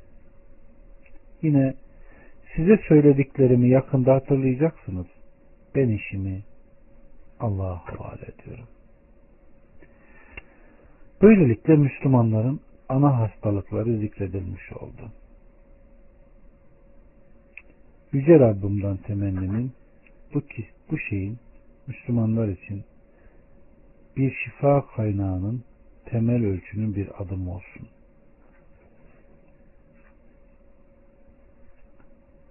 Şifa için bir ümit olabilir mi? İnsan ümmetin başına gelen bunca musibet ve helak edici hastalıktan sonra bu hastanın iyileşme ümidinin olabileceğine inanabilir mi? Ve bu hasta yeniden kalkıp uyanabilir mi? Evet. Allah'a yemin ederim ki bu hasta şifa bulacak ve kötülük gidip yerini iyiliğe devredecektir. Dolayısıyla İslam istisnasız olarak bütün evreni çepeçevre saracaktır. Bakın Rabbimiz ne diyor? Müşrikler istemese de o dinini bütün dinlere hakim kılmak üzere Resulünü hidayet üzerine gönderendir. Tevbe 33 Nasıl şifa bulmasın ki? Allah'ın vaadi haktır. Eğer sizlerden iman edip iyi davranışlarda bulunanlara kendinden öncekilerine sahip ve hakim kıldığı gibi onları da yeryüzüne sahip ve hakim kılacağını onlara vaat etti Nur 55'te. Bakın birinci ayetle alakalı Ayşe annemiz şöyle diyor. Aleyhissalatü vesselam şöyle buyurmakta. Lad ve uzaya ibadet edilene kadar gece ve gündüz kavga olmayacak. Ayşe annemiz diyor ki ey Allah'ın Resulü oysa Yüce Rabbimiz o Resulünü hidayet üzere gönderen ve müşrikler istemese de dinini hakim kılacaktır ayetinden tamamen bu dini hakim kılacak zannetmiştim. Aleyhissalatü vesselam şöyle cevap verdi. Bu Allah'ın dilediği kadar olacak. Aleyhissalatü vesselam Efendimiz şöyle buyurmuştur. Gece ve gündüzün ulaştığı her yerde bu din hakim olacaktır. Yüce Allah ister yerleşik, ister göçebe olsun, her eve bu dini girdirecektir. Aziz olan izzetleşecek, zelil olan alçalacak, İslam izzetiyle izle, izzetleşecek, küfürde zilletiyle alçalacaktır. Evet. Yine Aleyhisselatü Vesselam Efendimiz nübüvvet aranızda Allah'ın dilediği kadar sürecek. Sonra dilediği kadar onu yükseltecek. Sonra peygamber menhecine uyan halifelik yerini alacak. Allah'ın dilediği kadar hüküm verecek. Sonra onu dilediği kadar yükseltecek. Sonra yerine despot krallık geçecek. O da Allah'ın dilediği kadar hükmedecek.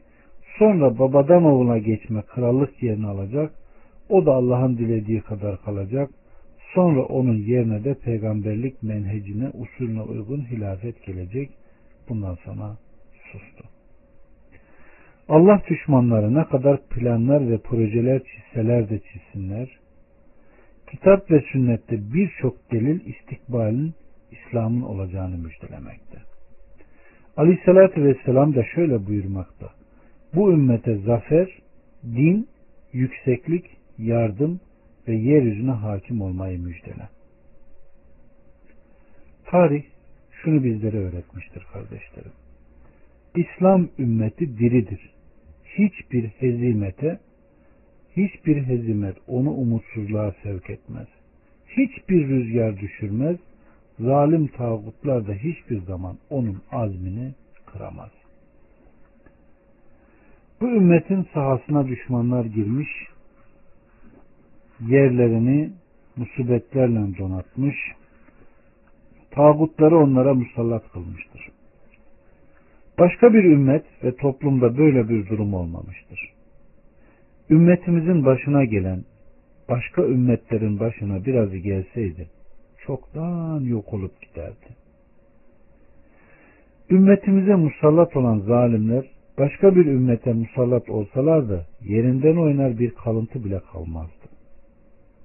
Bu ümmetin başındaki musibetler hala devam etmek ve tağutlar hala bu ümmeti nöbetleşe yönetmekte, düşmanlar hala tuzak kurmakta ve kalplerinde hastalık olanlar ve münafıklar hala gözetleyip tuzak kurmaktalar. Çok enteresandır ki bu ümmetin başına gelen musibet bir önceki musibeti hafif göstermektedir.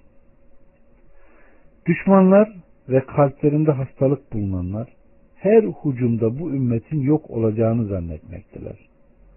Yer ve gök durduğu müddetçe Allah'ın dilemesiyle bu ümmet ayakta kalacak ve hiç kimse onu yok edemeyecektir.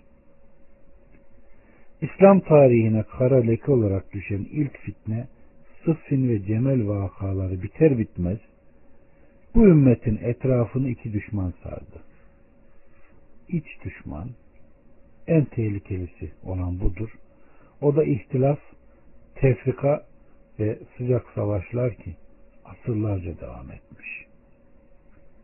Dış düşman en kötü tuzak kuran, alçak, facir olan kişilerdir ki bu ümmete tuzak kurmak için gözetleyip durmakta.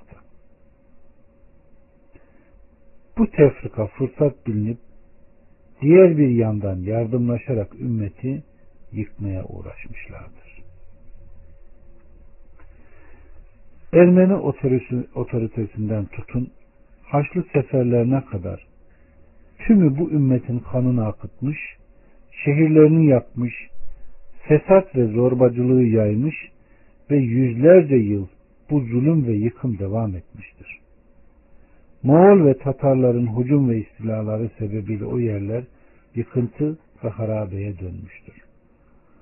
Sonra ikinci Haçlı seferleri, Harameyn hariç bütün İslam beldelerini gövde gösterisi yaparak işgal etmiş, daha sonra Haçlı seferleri o beldelerden ayrılarak arkalarında uşaklar, çömezler bırakmış, bunların zararları öncekilerden daha çok olmuştur.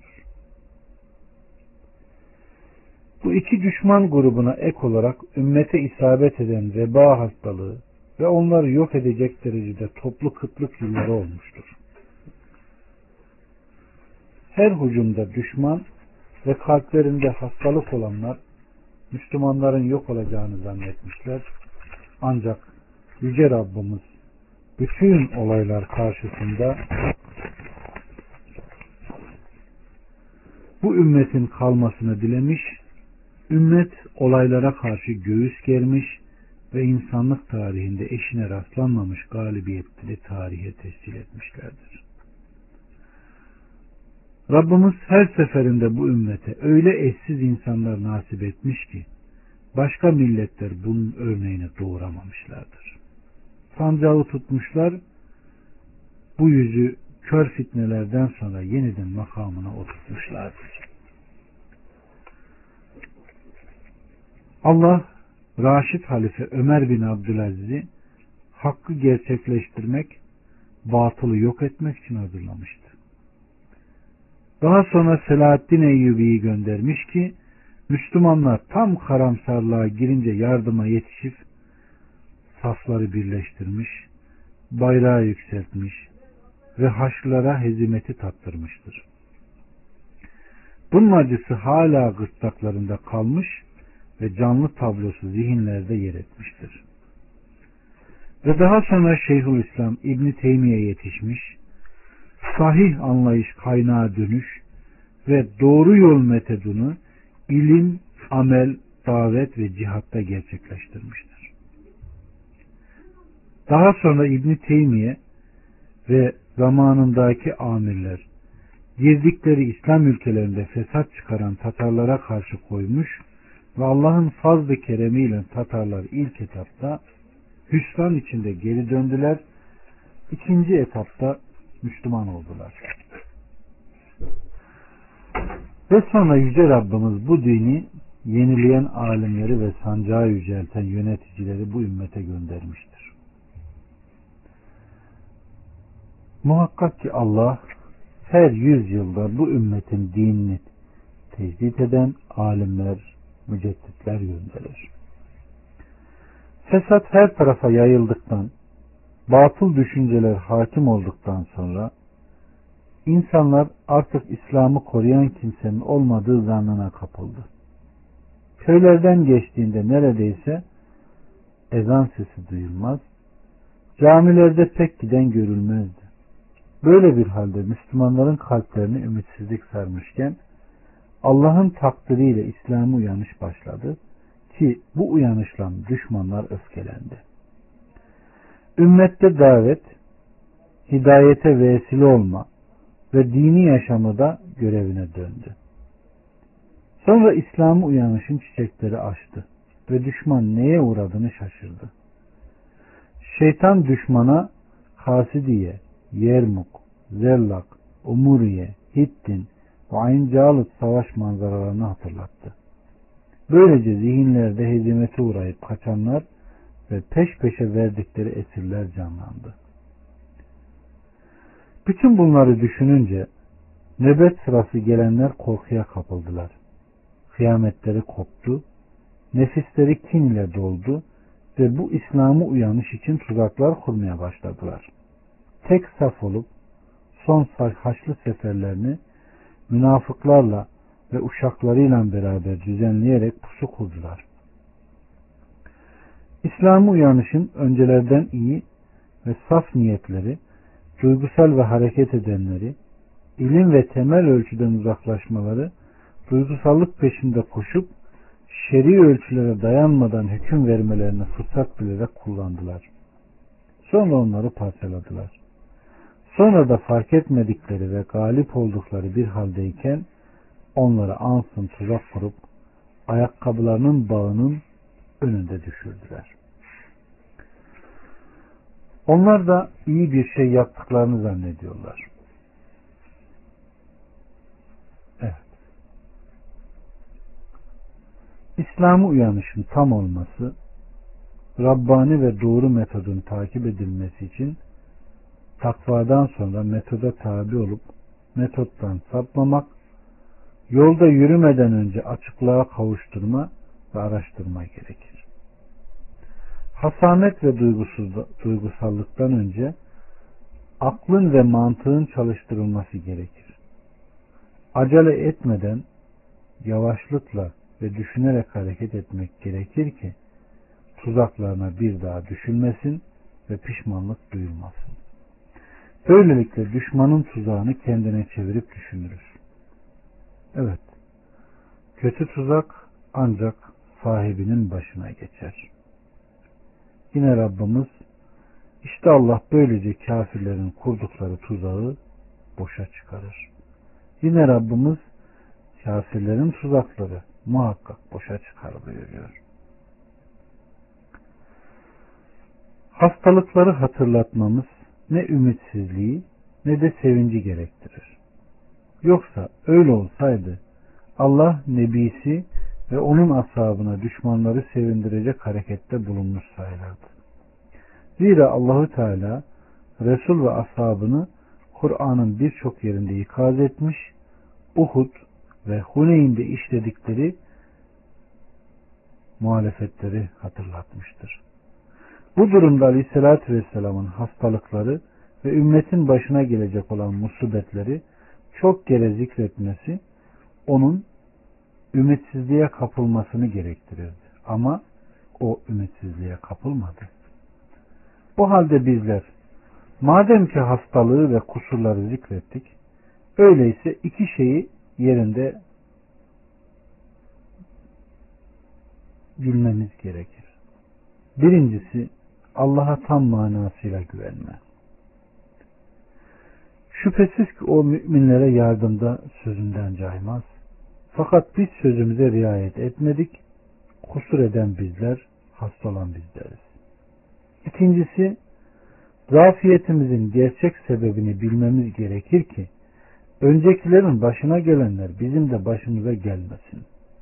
Önceki ümmetin başına, Endülüs ve diğerlerinin başına gelen başımıza gelmesin.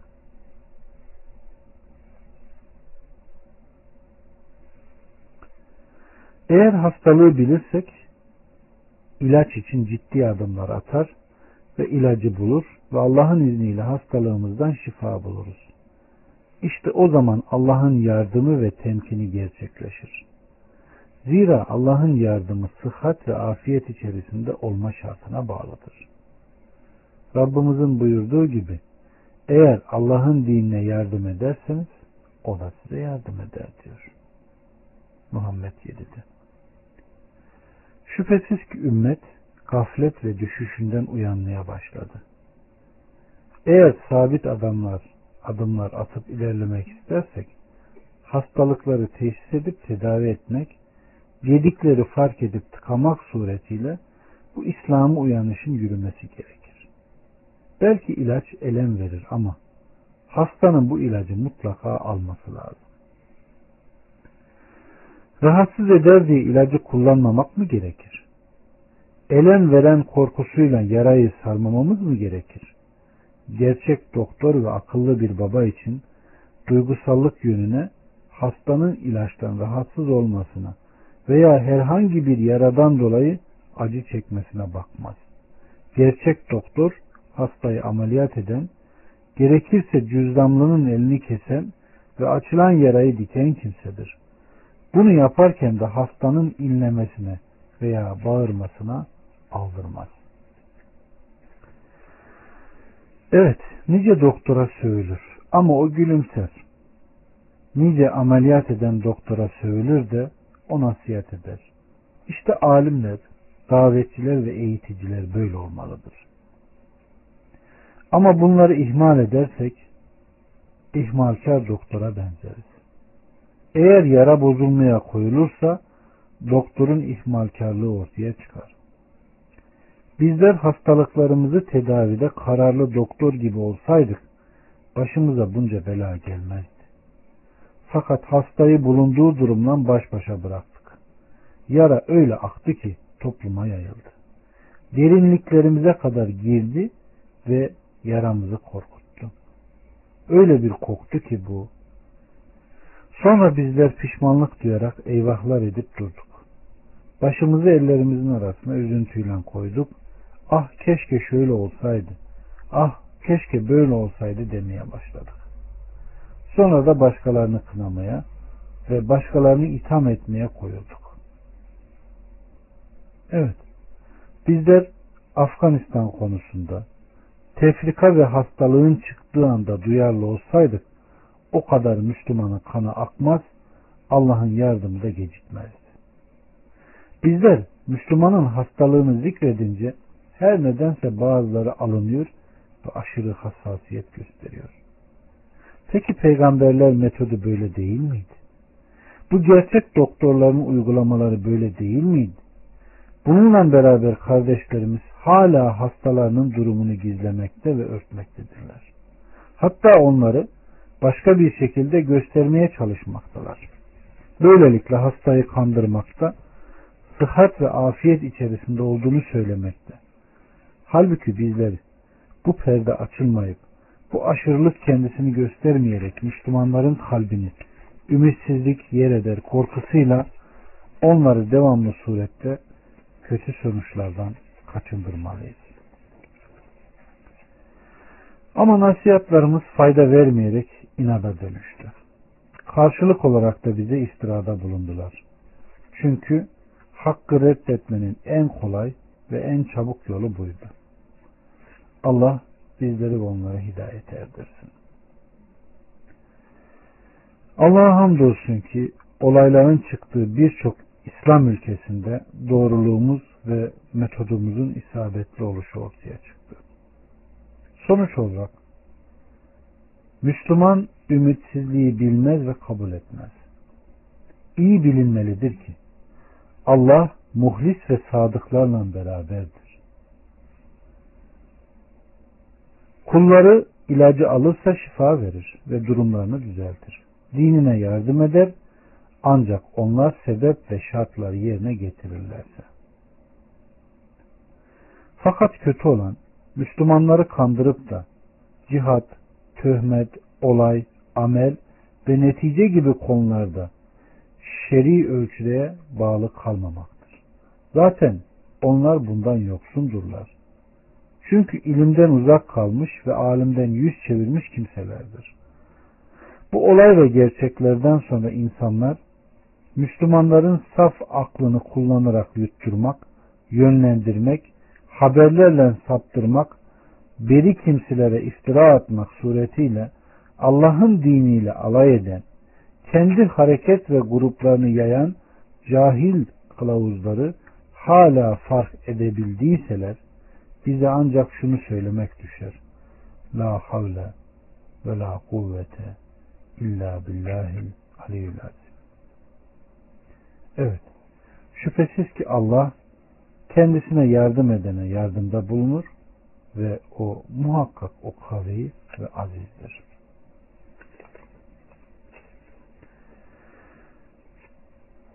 İtidalden sapmanın sırrı ve bozulmanın sebebi kardeşlerim, hiç şüphesiz sapmanın sırrı ve ihtilafın sebeplerini bilmek, hastayı tedavi etmeyi kolaylaştıracaktır. Bu da ancak bu sebeplerden kaçınmakla gerçekleşir. Peki sapmanın sırrını nasıl açıklarız? Bu nasıl meydana gelir? Bu sırrı çözmek üç şekilde olur kardeşlerim. Birincisi bu dinin özünü bilmemek. Şüphesiz ki bu din iman ve tasdik dinidir. Temenni ve övünme dini değil. İlim ve ittiba dinidir. Düşünce ve bidat çıkarma dini değil. İbadet ve amel dinidir. Söz ve hitabet dini değil. Eğer bütün bunları ve Müslümanların durumunu bilirsen, birçoğunun doğru anlamadaki sapma ve gerekli olan amellerdeki eksikliğini çözersin. Kaldı ki cemaat lideri ve davetçilerin çoğu Müslümanların durumundan farklı değildir. Önderlerinin çoğunu İslam'ın özünü ve delillerini bilmediklerini görürsün. Duysalar da anlamak istemezler anlasalar da gereğini yerine getirmezler. Evet. Şeyhülislam şöyle der. Bunlar bazı fırkaları zikreder, iman, ilim azlığından ve selefe tabi olmadıkları için böyledirler. Dolayısıyla selefe tabi olma konusunda ne hutbelerinde, ne kitaplarında, ne de tüzüklerinde hiçbir iz göremezsin.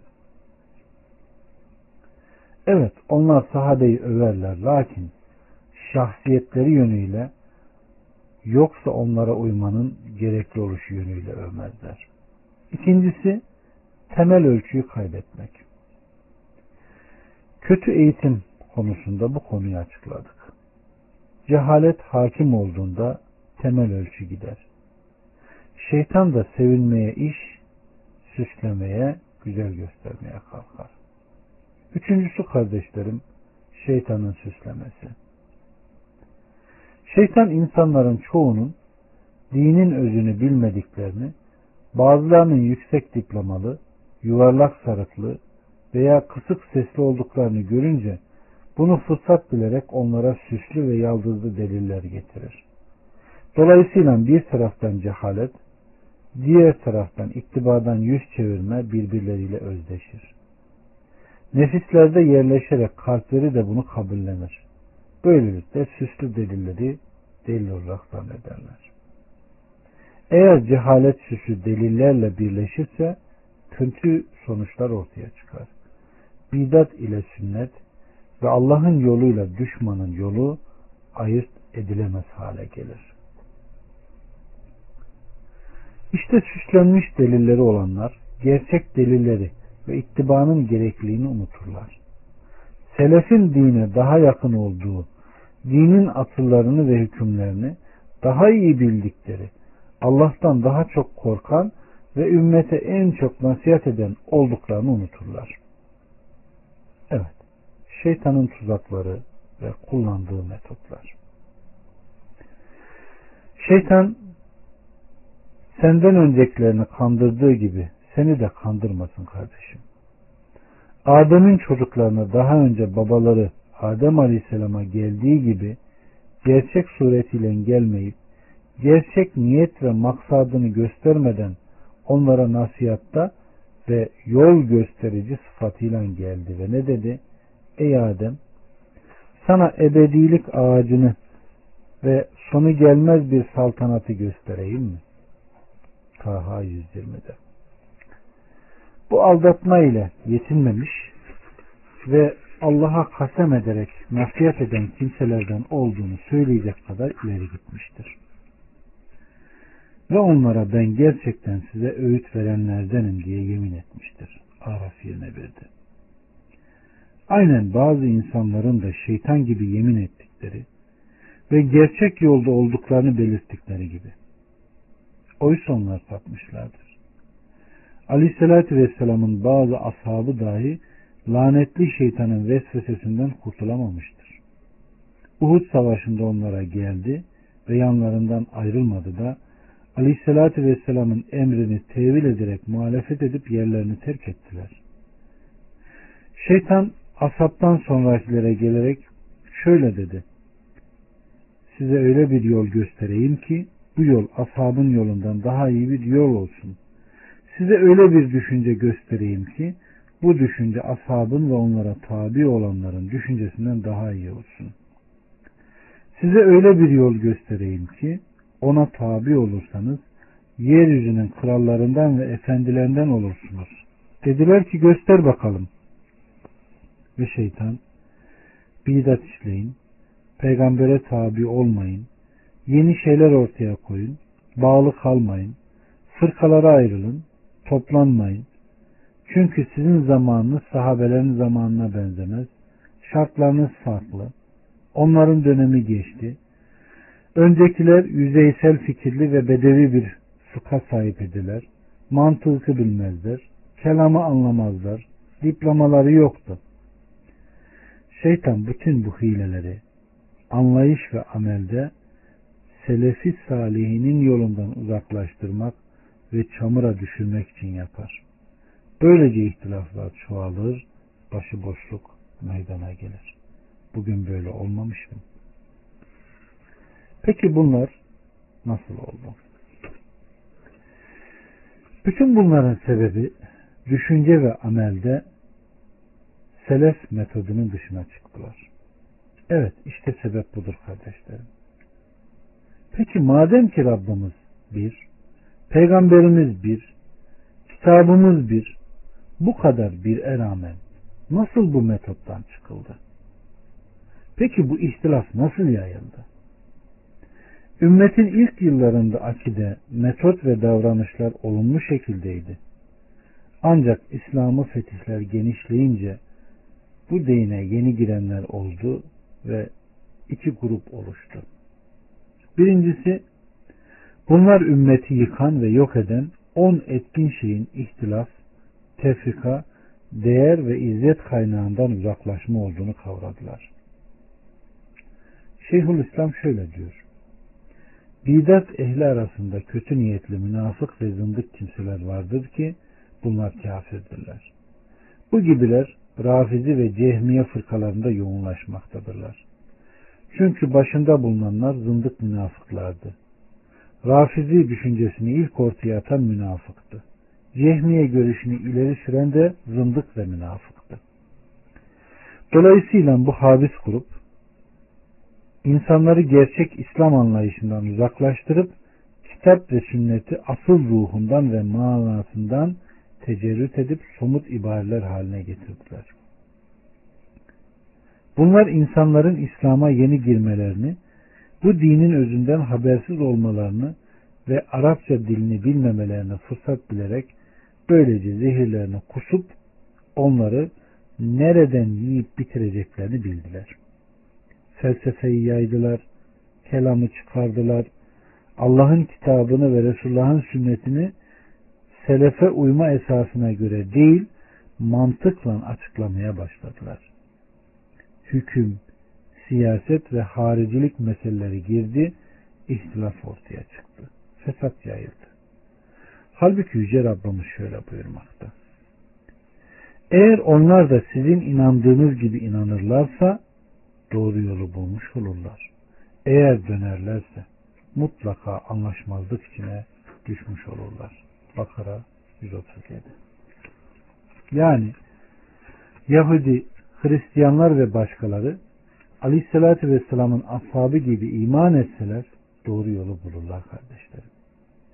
Şayet onların metot ve anlayışından yüz çevirirlerse sapar, şekavet ve ihtilafa düşerler.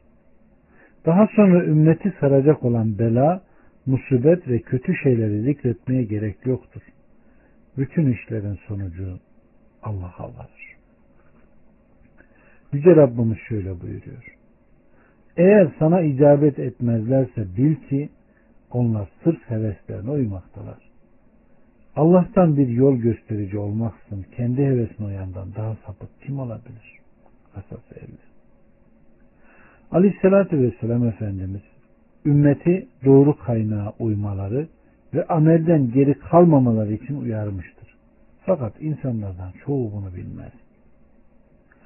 Ayşe annemizden gelen bir rivayette Aleyhisselatü Vesselam Efendimiz şu ayet okumuş. Sana kitabı indiren otur. Onun bazı ayetleri muhkemdir ki bunlar kitabın esasıdır. Diğerleri de müteşabihtir. Kalplerinde eğrilik olanlar fitne çıkarmak ve onu tevil etmek için müteşabih ayetlerin peşine düşerler. Halbuki onun tevilini ancak Allah bilir. İlimde yüksek payeye erişenler ise ona inandık, hepsi Rabbimiz tarafından derler. Bu inceliği ancak aklı selim sahipleri düşünüp anlar. Alimran 7 Bu ayeti okuduktan sonra şöyle dedi. Müteşabih ayetlere tabi olanları gördüğünüzde biliniz ki Allah'ın kastettiği kişiler bunlardır ve onlardan sakının. Aleyhissalatü Vesselam Efendimiz bu Kur'an'ın tevili için savaşanlar olacaktır ki ben de inişiyle insanlarla savaştım. Yani sahabe Kur'an'ın doğru anlaşılması için savaşacaktır. Aynen Aleyhissalatü Vesselam inişin doğruluğu için savaştığı gibi. Bundan maksat kimileri bu kitabın anlamını değiştirmek için uğraşacak. O vakitte sahabe Kur'an'ın doğru anlaşılması için onlarla savaşacaklar. Bu hadisten şu iki kıymetli hususu anlamaktayız. Birincisi Kur'an'ın doğru anlaşılması için tevil ve bidat ehliyle savaşmanın gerekliliği. İkincisi bu kitap için doğru anlayış sahabenin anlayışıdır. Çünkü bu hadiste aleyhissalatü vesselam Kur'an'ı doğru anlayışa döndürmek için tevilcilerle savaşmayı ikrar etmiş. Bunu anla çünkü değerli bir noktadır. İnsanlardan ikinci kısım niyetleri iyi olanlardır. Ancak niyetleri iyi olmalarına rağmen Allah'ın kitabını ve Resulullah'ın sünnetini anlamada hayatın bütün alanlarında tatbik konusunda sahabenin metoduna tabi olmamışlar. Yeni bir yol izleyerek asab tabiine ilim ve hidayet erbabından fasit ve batıl olan çeşitli iddia ve gerekçelerle ayrılmışlardır. Böylece doğru anlama kaynağı zayi etmişlerdir.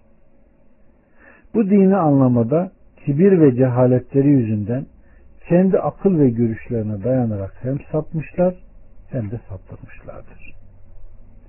Onlardan sonra gelenler de hak adıyla sapıklara miras olmuş, batılın arkasında savaşarak iyi şeyler yaptıklarını zannetmişlerdir. Aradaki mesafe uzaklaştırdıkça yama açılmış, dalalet o kadar artmıştır. Aynı bir eğenin kenarı ile uzadıkça e büyür.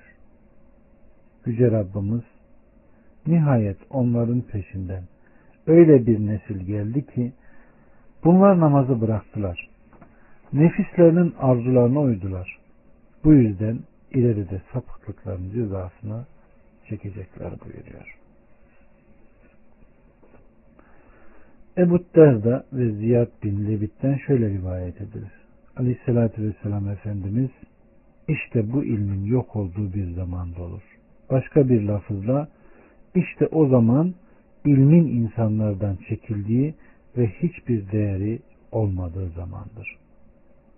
Ziyad, Ya Resulullah, Kur'an okuduğumuz halde ilim nasıl bizden uzaklaşır? Allah'a yemin olsun ki biz kadınlarımız ve çocuklarımıza Kur'an hep okuyup okutacağız. Aleyhissalatü vesselam Efendimiz Ziyad anan seni doğurmaz olaydı. Ben seni Medine'nin fakihlerinden sayıyordum. Tevrat ve İncil Yahudi ve Hristiyanların arasında olduğu halde onlara ne fayda sağladı buyurdu.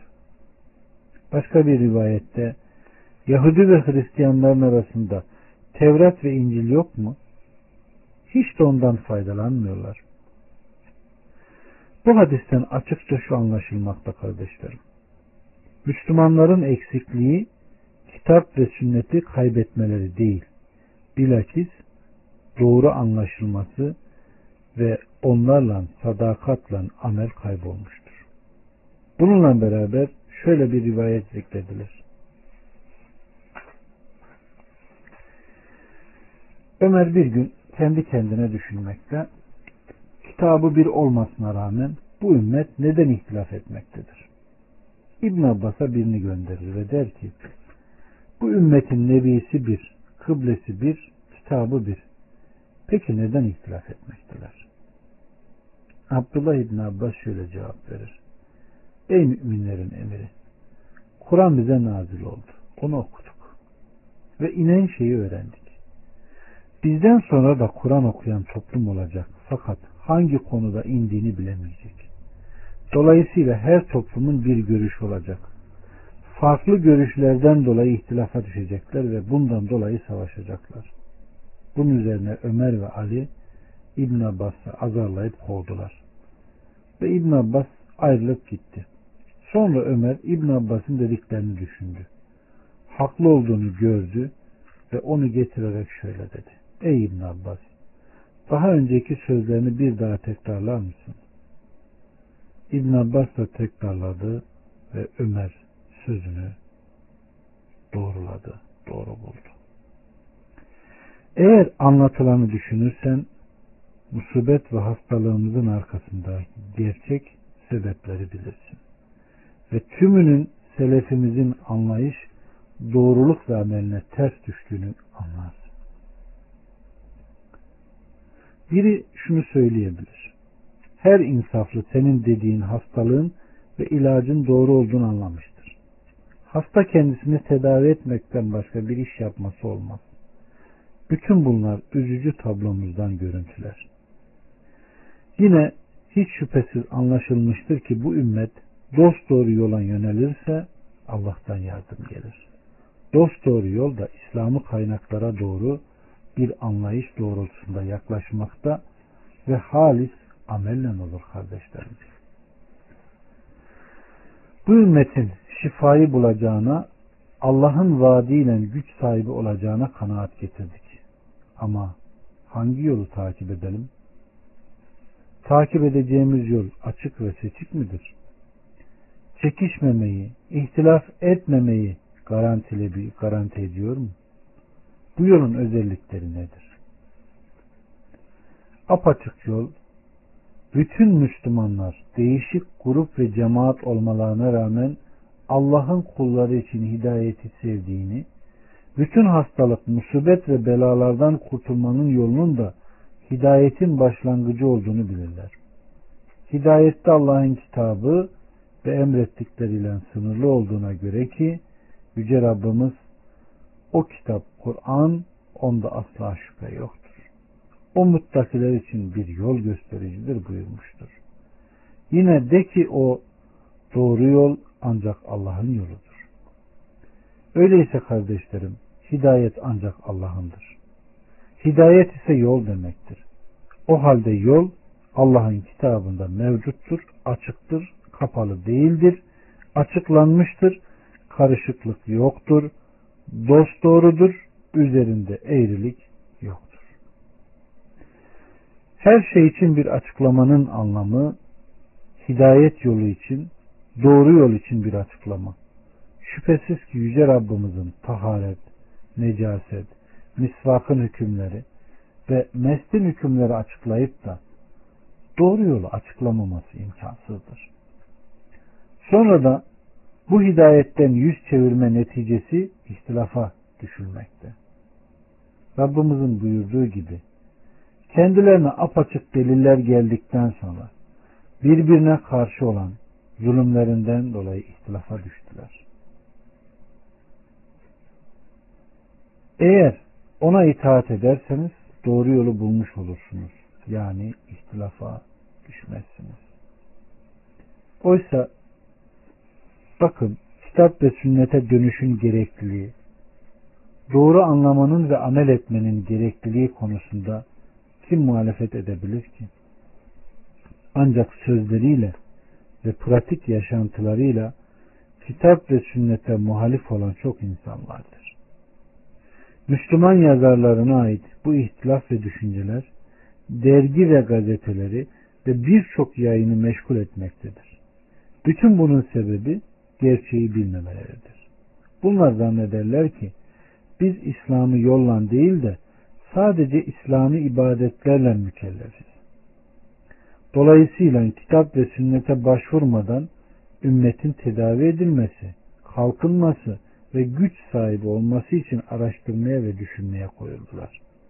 Netice ve çözüm olarak Allah'ın indirmediği şeyleri fikirler, görüş ve yollar ihdas ettiler. Böylelikle hem saptılar hem de saptırdılar.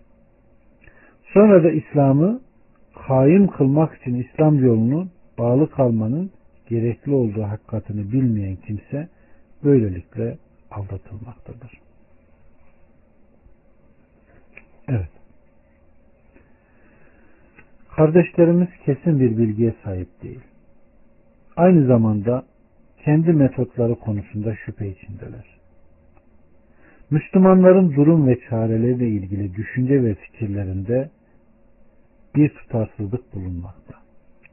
Müslümanların hastalıklarını tanımak için Kur'an ve sünnete müracaat edileceğini gerçek olarak bilmeyiz. Öğrenememişiz. Hastalığın teşhis ve tedavisinin bu ikisinde olduğunu bilmiyoruz. Zaten toplantıda, sohbetlerde ayet ve hadisi çokça ağzımıza alıp konuşuyoruz. Doğudan, batıdan her şey konuşuyoruz. Kimileri ekonomide, kimileri uygarlık seviyesinde, kimi bilmem ne de İslam'ın gerilediğini düşünüyor. Evet. Kardeşlerim, doğru anlayışa dönüşün amele dökülmesinden önce şu soru akla gelebilir. İhtilaf etmenin hükmü nedir? Sonuç olarak dünyada sapma ahirette cezayı gerektirir mi? Bunlar Peygamber Aleyhisselam'ın ümmetinden olup iştahat eden kimseler midir? Resulullah'ın hükmünden sonra bizim ve başkasının hükmü bir şey ifade etmez kardeşlerim. Her samimi kalp onun hükmüne boyun eğer ve her mümin nefiste onun hükmünden ürpererek titrer. Aleyhissalatü Vesselam Efendimiz bu ümmet 70 73 fırkaya bölünecek. Biri hariç tümü ateştedir.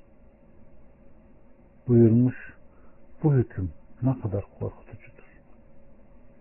Evet, ibadet etmelerine rağmen ateştedirler. Cihat yapmalarına rağmen ateştedirler. Davetlerini yapmalarına rağmen ateştedirler. İslam'a yardımları ve Müslümanların savunmalarına rağmen ateştedirler. Vakitlerini harcayıp mallarını sarf etmekteler ama buna rağmen ateştedirler.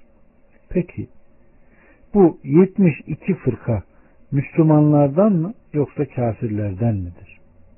Aleyhissalatü Vesselam Efendimiz ateştedirler derken Müslümanları mı yoksa İslam'dan çıkan veya İslam'dan olmayan kafir gruplarına mı kastetti? Şüphesiz ki kardeşlerim Aleyhisselatü Vesselam Efendimiz Müslümanlardan olup ana cemaata muhalefet edenleri kastetmiştir. Çünkü ümmetimden tefrikaya ayrılanlar derken kendisine icabet eden ümmeti kastetmektedir. Aleyhissalatü Vesselam'ın şehadetiyle bunlar Müslümanlardır. Evet. Şeyhülislam imamlardan birinin sözünü naklederek şöyle der. Cehmiye fırkası kafirdir. Dolayısıyla 72 fırkaya dahil edilmezler. edilmezler. Aynı şekilde münafıklar da bu gruba girmezler çünkü zındıktırlar. Şeyhülislam tekrar şöyle der. Bidat ehlinden kimileri açık ve gizli bir şekilde iman sahibidirler. Fakat bunlarda cehalet ve zulüm vardır. Ancak kafir ve münafık değildirler. Münavi şöyledir. Ümmetin fırkıya bölünecek hadisi dinin aslını kastetmektedir.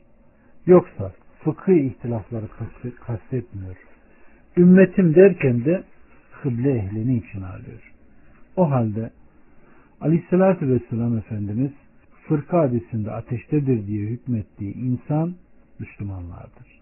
Namaz kılan, oruç tutan, haccı ifa edenlerdir. Evet, İslam sancağını kaldırıp savaşanlar, İslam'ı ve Müslümanları sevip yardım edenler. Ancak davet, güçlenme ve İslam'a yardım konularında peygamberin aleyhissalatü vesselamın ve ashabının yolunu takip etmezler. Acaba bizler fırkayı naciyeden miyiz? Bir Müslümanın yıllarca namaz, ibadet, cihat yapıp İslam ve Müslümanlara yardımda bulunmasına rağmen kendisinin fırkayı naciyeden olup olmadığını bilmemesi doğrusu tehlikeli bir durumdur. Acaba fırkayı naciyeden mi yoksa değil mi? Acaba cennet yolunda mı yoksa cehennem yolunda mı? Evet, çoğu Müslümanlar bundan gafildirler. Zannederler ki iyi niyet, iman, namaz ve cihat onları fırkayı naciyeden kılmakta ve dolayısıyla metotları gözden geçirmezler. Tehlike sayı olarak hangisindedir? Çünkü fark çok yüksektir. Kurtulan bir fırka helak olacak olan 72 fırka. Peki kendimi nasıl bilebilirim? Kurtulan taifeden miyim yoksa sapan taifeden miyim? Her fırka kendisini kurtulan taifeden kabul etmekte. Herkes insanları kendine çekmekte.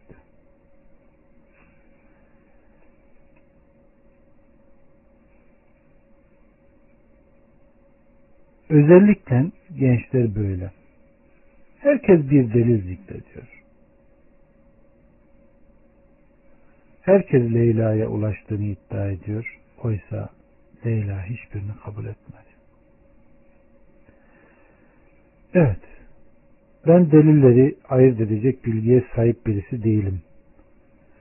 Sapan fırkaların itikatları konusunda da bilgi sahibi değilim. Düşüncelerini de bilmiyorum. Aralarına düşmekten korkuyorum. Aleyhissalatü Vesselam'ın bildirdiği hadise göre ateşte olabilirim. Benim gibi birisi için bu iki yolu ayırt edecek bir ölçü var mı? İşaretleri nelerdir denirse zikrettiğim durum önceki ve şimdiki Müslümanların tablosu ve gerçeğin ta kendisidir. Bütün İslam'ı gruplar ve çağdaş cemaatler kendilerini tatmin edecek ve kendilerini peygambere aleyhissalatü vesselama uymayı terk ettirecek ve yeni bir yola sevk edecek delillere sahiptirler. Hariciler kendilerini ve onlara uyan çoğu kişileri ikna edecek delilleri vardır. Hatta günümüzde dahi birçok Müslüman onların delillerine aldanmıştır.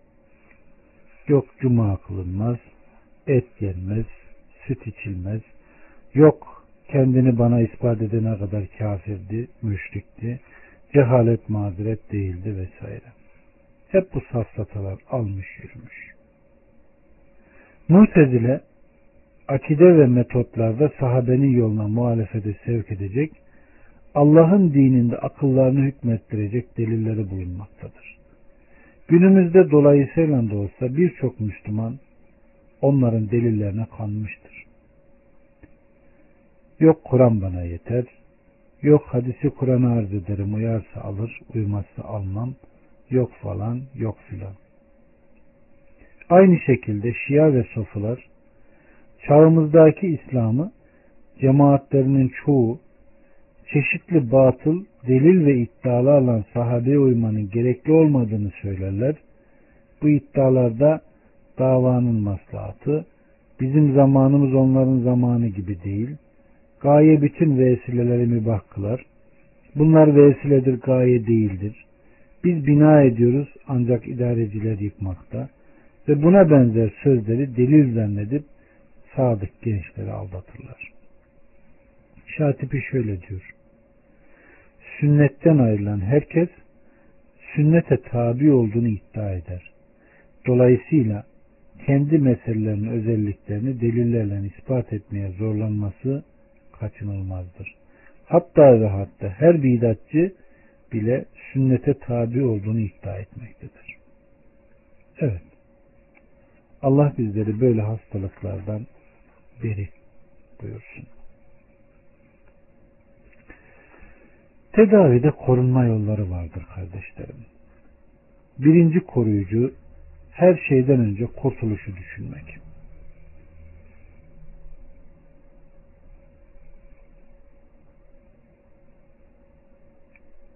Her şeyden önce kişi cihat, davet ve hükmü düşünmeden önce kıyamet günü için kendi kurtuluşunu düşünmelidir. İdarecileri, davetçileri, alimleri düşünmeden önce kimlerin fasık, facir, bidatçı, müşrik, kafir ve mürtet olduklarını düşünmeden önce kıyamet gününü düşünmeli. Nefsini hakim yahut kadı makamına koyup başkalarını hesaba çekmeden şunu bunu kafir ve fasık yapmadan önce önce kendimizi bir düşünmeliyiz. Yüce Rabbimizin buyurduğu gibi Ey iman edenler! Siz kendinize bakın. Siz doğru yolda olunca sapan kimse size zarar veremez buyuruyor. Maide 105'te. O halde onlar için üzülerek kendini helak etmiyor, etme diyor Fatır 8'de. Arkalarından üzüntüyle neredeyse kendini harap edeceksin. Keyif 6'da. Yani iman etmediklerinden dolayı onlar için üzülmektesin. Kıyamet günü o korkunç manzara karşısında bütün insanlar ve hatta peygamberler bile nefsi, nefsi, nefsi diyecekler. Sadece aleyhissalatü vesselam hariç o gün yaratıklar için şefaat edecektir. Aceleci kardeşlerimiz bundan küfrü, fıskı ve bidatı aşikar olan biri için hüküm verilmez anlamını çıkarmasınlar. Ancak bir kişi asli görevini unutup şunun bunun damgasıyla uğraşmasın. Ehil olmayan, dinde yeni, ilmi ve tecrübesi az olan kişiler insanlar hakkında hüküm vermesin.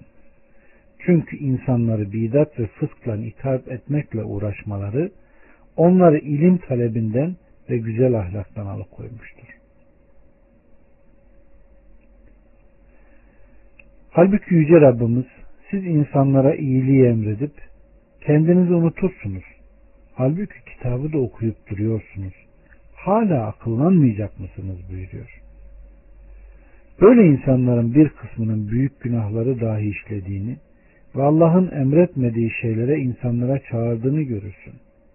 Bir şeyler yaptıklarını zannederler. Bu yüzden insanlar da onların bazı söz ve tutumlarına aldanırlar. Bunlar saatlerce konuşur. Hatta hiçbir ayet ve hadis okumadan sadece olaylara takılıp faydasız şeyler anlatırlar.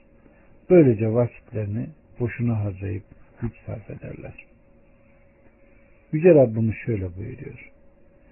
De ki ey kitap ehli siz Tevrat'ı, İncil'i, ve Rabbinizden size indirilen hakkıyla uygulamadıkça bir şeye sahip olamazsınız.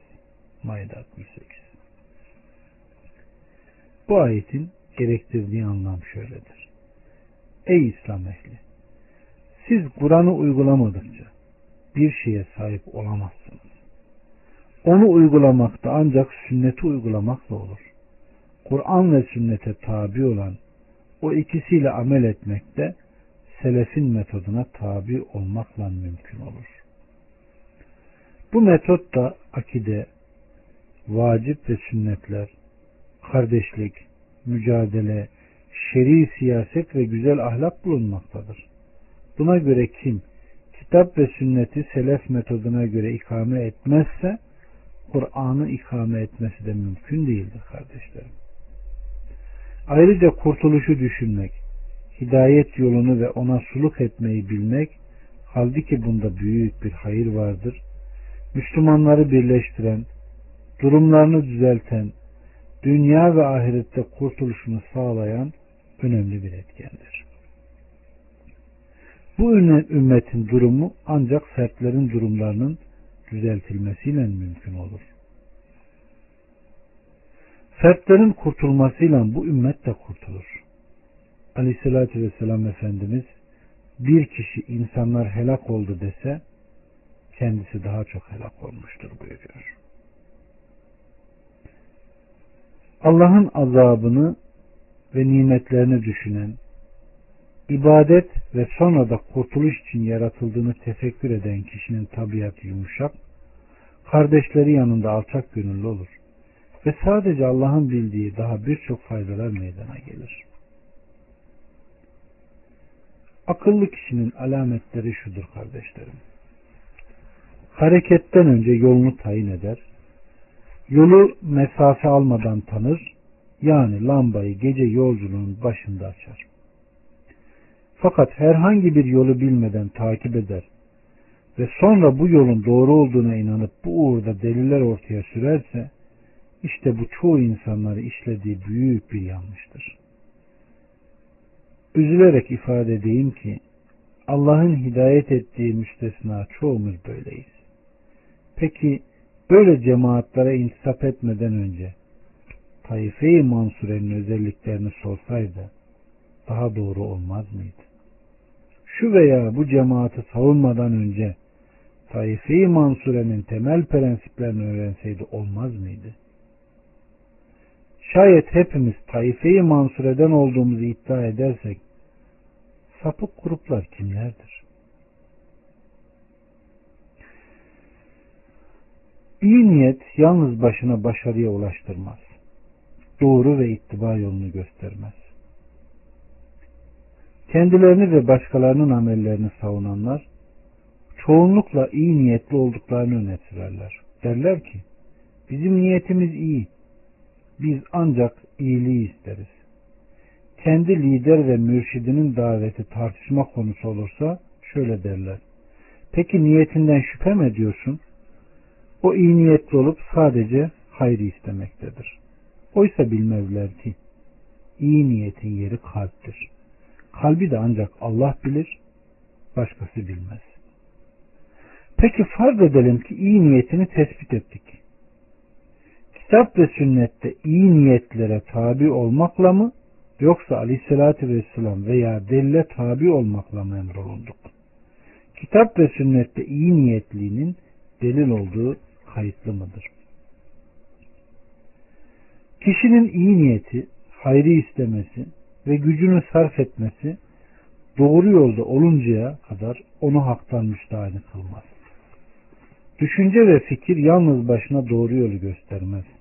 Ancak fırkayı naciyeye Yüce Rabbimiz kitabında Aleyhisselatü Vesselam'ın sünnetinde selefi salih anlayışıyla açıkladığı gibi uymaktır. Yüce Rabbimiz şöyle buyuruyor. Emrolunduğun gibi dost doğru ol. İstediğin gibi, düşündüğün gibi, kanaat getirdiğin gibi dost doğru ol demiyor. Yüce Rabbimiz artık her kim Rabbına kavuşmayı umuyorsa salih amel işlesin. ve Rabbına ibadette hiçbir şey ortak koşmasın buyuruyor. Salih amel hakkında kitap ve sünnetten delil kaim olmuş selefin fiilidir.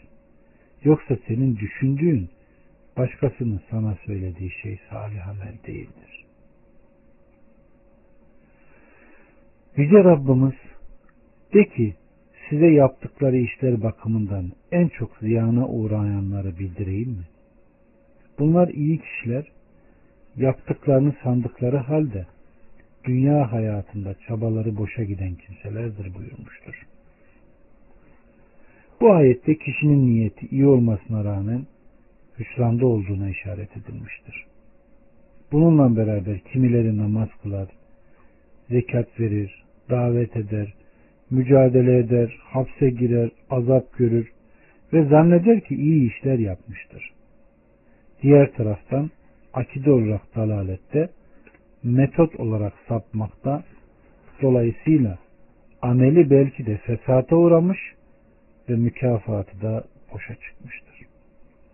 Çünkü sahih yolu takip etmemiş, ibadet, mücadele, kendini feda etme ve davetinde aleyhissalatü vesselam ve sahabenin yolunu tutmamıştır. Yüce Rabbimiz kötü işi kendisine güzel gösterip de onu güzel gören kimse, kötülüğü hiç istemeyen kimseye benzer mi? Allah dilediğini sapıtır buyurmuştur. Bu ayette amelin salih olması için iyi niyetin yeterli olmadığına işaret edilmektedir. Dolayısıyla Süfyan şöyle der. Söz ancak amel, söz ve amel de ancak niyetle olur. Söz, amel ve niyet de ancak sünnete uygun olmasıyla olur buyurmuştur. Fudayl İbni İyad, Yüce Rabbimizin hanginizin ameli daha iyi olduğunu imtihan için ayeti hakkında en halisi, en isabetli olanı anlamındadır dedi. Ey Eba Ali! Halis ve isabetli ne demek? Dedi ki, amel halis olup doğru olmazsa kabul edilmez. İsabetli olur da halis olmazsa yine kabul olmaz. Ta ki halis ve isabetli oluncaya kadar. Halis demek Allah için olmalı. İsabetli demekse Aleyhisselatü Vesselam'ın sünnetine uygun olması demektir. Belki de namazımızda defalarca Ya Rabbi bizleri doğru yola ilet dememizin sırrı da budur. Ya Rabbi bizlere iyi niyet, nasip et dememiz söylenmemiştir. Evet doğru niyet doğru yoldandır. Allahü Teala doğru yoldan maksadın ne olduğunu şu ayet-i kerimeyle açıklamış. O yol kendilerine nimet verdiklerinin yoludur. İşte iyi niyetle beraber bu yol olmalıdır. Dolayısıyla bu ikisi birbirinden ayrılmazlar. Yoksa sahibi dalalette olur. İyi niyet insanı ateşten kurtarmaz kardeşlerim. Sapan fırkalara uyanların durumu düşünüldüğünde niyetlerinin iyi olduğu zannı galip gelir. Ama buna rağmen Allah Resulü Aleyhisselatü Vesselam ateşte olduklarına hükmetmiştir. Çünkü görüşlerini selefin görüşüne tercih etmişlerdir. Böylelikle hem sapmışlar hem de saptırmışlardır. Bu durum bizlere haricileri hatırlatır. Onların da niyetleri iyi, yaptıkları işlerde azimkar idiler. Çok da ibadet yaparlardı ama buna rağmen aleyhissalatü vesselam onların ateşte olduklarını bildiriyor. Haricilerden bir grup Abdullah bin Habbab'a soru sorarlar ve derler ki Ey Abdullah bin Habbab sen Resulullah'ın arkadaşsın değil mi? Abdullah evettir. Babandan duyduğu bir hadisi bize zikreder misin? Abdullah da şöyle der. Babam Aleyhisselatü Vesselam'ın şöyle dediğini söylerdi. Fitne olacak, oturan kalkandan daha hayırlı olacak. Bu sözden dolayı Abdullah ve hamile eşini öldürmek üzere götürürler. Onların yanından esirken hariciler zimmet ehlinden birinin domuzunu görürler. Domuzunu parçalarlar. İşlerinden biri der ki bunu niye yaptın? Bu zimmilerdendi. Bunun üzerine o kişi zimmiye gider, helallaşıp onu razı eder. Yine onlarla beraber iken hurma ağacından bir hurma düşer. Biri hurmayı alıp ağzına atar, diğeri der ki izin almadan, hiçbir miktar ödemeden mi deyince diğeri hurmayı atar.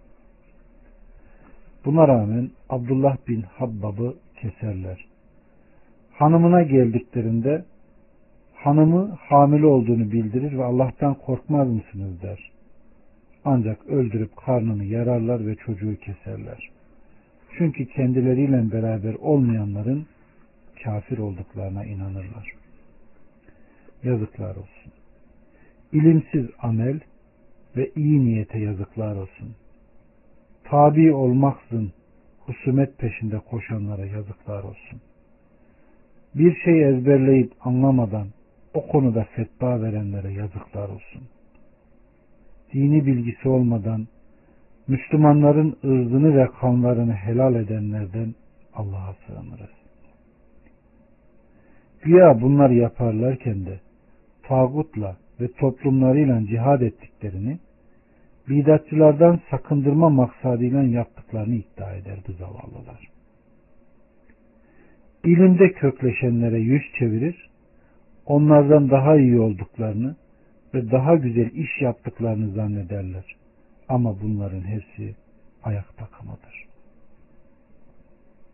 İbn Mesud bidat işleyip iyi niyetli olduklarını iddia eden Allah'a yemin olsun ki biz bununla sadece hayır yapmak istedik diyen kişilere hayır isteyen nice insanlar vardır ki onu elde edemez buyurmuştur.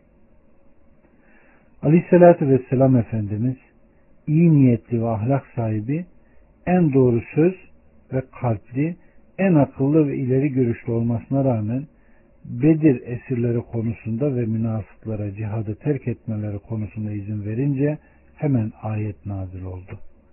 Allah seni affetti ve onlara neden izin verdin? Bütün bunlardan şu kural ve prensip çıkar. İyi niyet insanın isabetli ve hak üzere olduğuna delil değildir. Bu kuralı düşün çünkü faydalıdır. Bundan sonra niyetin iyi oluşunu yaptığı işin ne söylediği sözün doğruluğuna iyi niyetli oluşunu delil olarak göstermez. Çünkü iyi niyetin gereği yapılan işin doğruluğunu göstermez.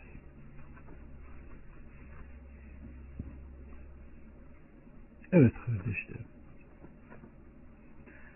Beyine ile tezyin arasındaki fark. Bu korumayı bilip amel etmek, ayağın kaymasından ve inhiraftan korunmak için en önemli unsurdur. Çünkü bu ikisinin ayırt edilmemesi Yahudi ve Hristiyanlardan olan birçok ümmetin sapmasına sebep olmuştur. Beyine delil ile tezyin yani süslü gösterme arasındaki fark bilinmediğinden ana cemaattan yani ehli sünnet vel cemaattan birçok taife inhiraf etmiştir. Yüce Rabbimiz Allah'a andolsun senden önceki ümmetlerde de ümmetlere de peygamberler göndermişizdir. Fakat şeytan onlara işlerini süslü gösterdi. Nahl 63'te. Ve yine delil, burhan ve hüccet anlamına gelir ki bununla doğru hatadan, hak da batıldan ayırt edilir.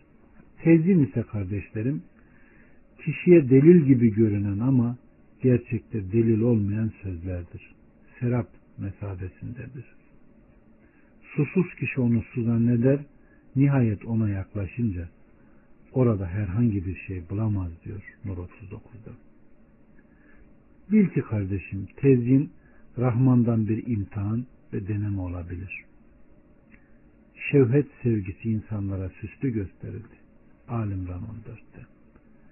Biz insanların daha güzel amel edeceğini deneyelim diye yeryüzündeki her şeyin dünyanın kendisine mahsus bir zinet yaptık. Keyfiyede. Tezgin şeytandan bir istidraç ve sapıtma da olabilir. Rabbimizin buyurduğu gibi şeytan kendilerine yaptıklarını süslü göstermiş de onları doğru yoldan alıkoymuş. Bunun için doğru yolu bulamıyorlar. Nemil 24 Delil ile tezyin arasında öyle bir incelik vardır ki insanların çoğu onu bilmezler kardeşlerim. O da karinedir.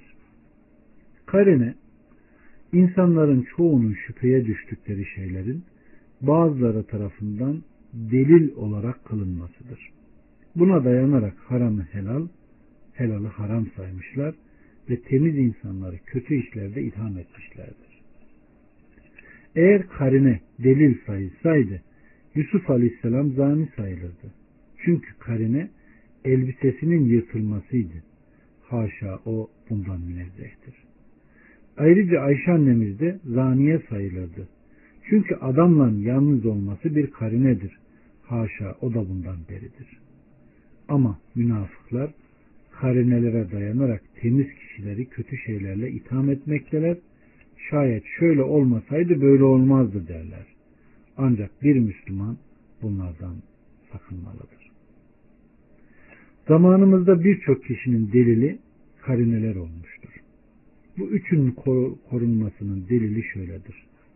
Rabbimiz şöyle buyuruyor. Rabbinden apaçık bir delil üzerinde bulunan kimseden kötü işi kendisine güzel görünen ve heveslerine uyanan kimse gibi olur mu? Ayette Rabbinden sözü şart ve temizdir.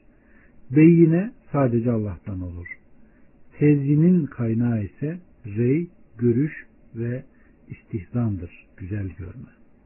Maslahat ve duruma göre değişir. Ayrıca cemaat ve olaylara göre de değişebilir. İşte şeref muhalefet edince heva ve şeytanın hile ve tuzaklarına düşme böyledir. Beyine ve tezyin arasındaki fark budur. İbn Kesir Rabbinden apaçık bir delil üzerinde bulunan ayetini tefsir ederken şöyle der. Allah'ın kitabında indirdiği hidayet, ilim ve insanı yarattığı selim fıtrat ile onun dininde basiret ve yakın üzere olmaktır. Kötü işi kendisine güzel görünen ve heveslerine uyan kimse gibi olur mu? Yani o bunun gibi olamaz. Allah'ın kitabında bildirdiği, Resulullah'ın sünnetinde zikrettiği beyineye uyan ile muhtes yollardan oluşturulan tezyine süslü gösterme yoluna uyanla bir olur mu? Veya hata ve sapma içinde olan çağdaş ve geçmiş cemaatlerin süslü görüşlerine uyanla aynı olur mu? Ki bunlar sapıtmalarının sebebi olmuştur. Evet. Bu iki grup bir olur mu? Şüphesiz ki durum, metot, yönelikler farklıdır. Dolayısıyla ne ölçü ne hesap ve ne de sonuç yönüyle aynı olmaları mümkün değildir. Bunu adil bir şekilde düşünen kimse kimin hak üzere olduğunu bilir. Kitap, sünnet ve selef metoduna dönüşe davet eden mi yoksa her vadide başı boş dolaşıp karışık görüşlerde bocalayan mı? Şüphesiz ki bunlar bir değildir. Süslü göstermede şu incelik bulunmaktadır.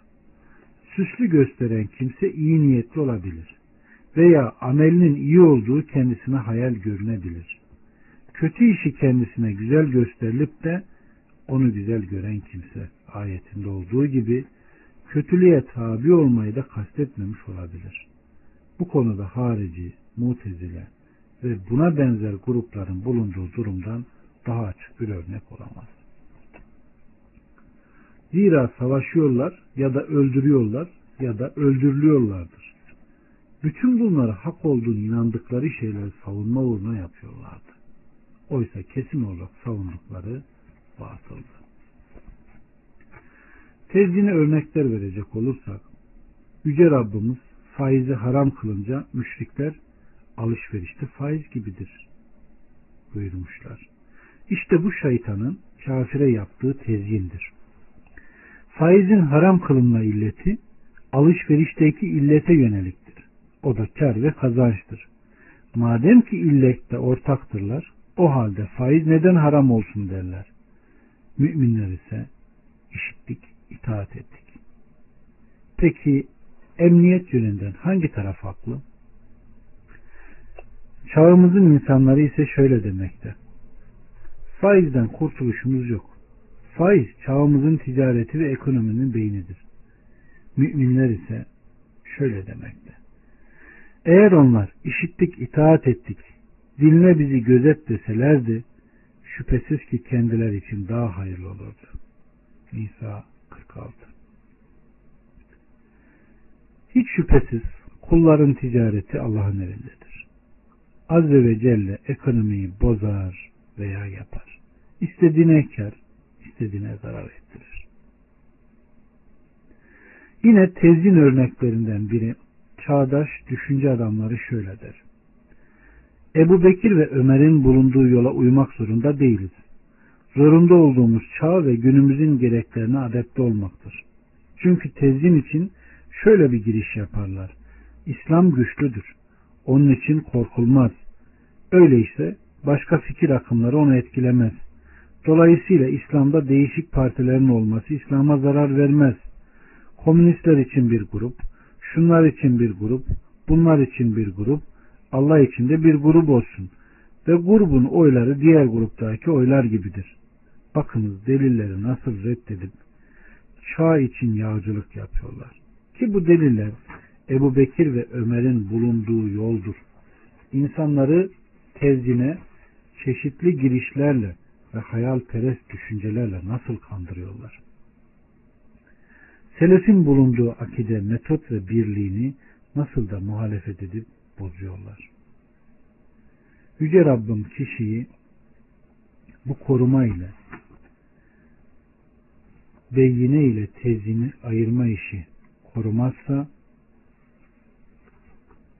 bir amirin ölümüne veya hakkında susulmasına hemen fetva verirler. Bir davetçinin hapse girmesinden tutun da telif ettiği kitaplara veya etbaanın çokluğuna kadar her şeyini zikredip sözlerinin doğrularına delil olarak getirirler. Ayrıca bir kişinin mücadele edip şehit olmasını, ihlasını, doğru yolda olduğunu delil sayarlar. Yalnız idarecilere karşı çıkmasında kişinin tabi olduğu yolun doğruluğunun delilini zannederler. Evet, günümüzün şaşkınlarının usulü, metodu bu. İşte günümüzdeki insanlar kitap, sünnet ve birçok şeyi ilmi olmayan gençlerin yanında hüsnü kabul görecek süslü ve fikri delillerle değiştirdiler. Evet kardeşim. Korunma yolunun özeti Müslümanın başkasının kurtuluşundan önce kendi kurtuluşunu düşünmesi, yola çıkmadan önce yolu çok iyi tanıması gerekir.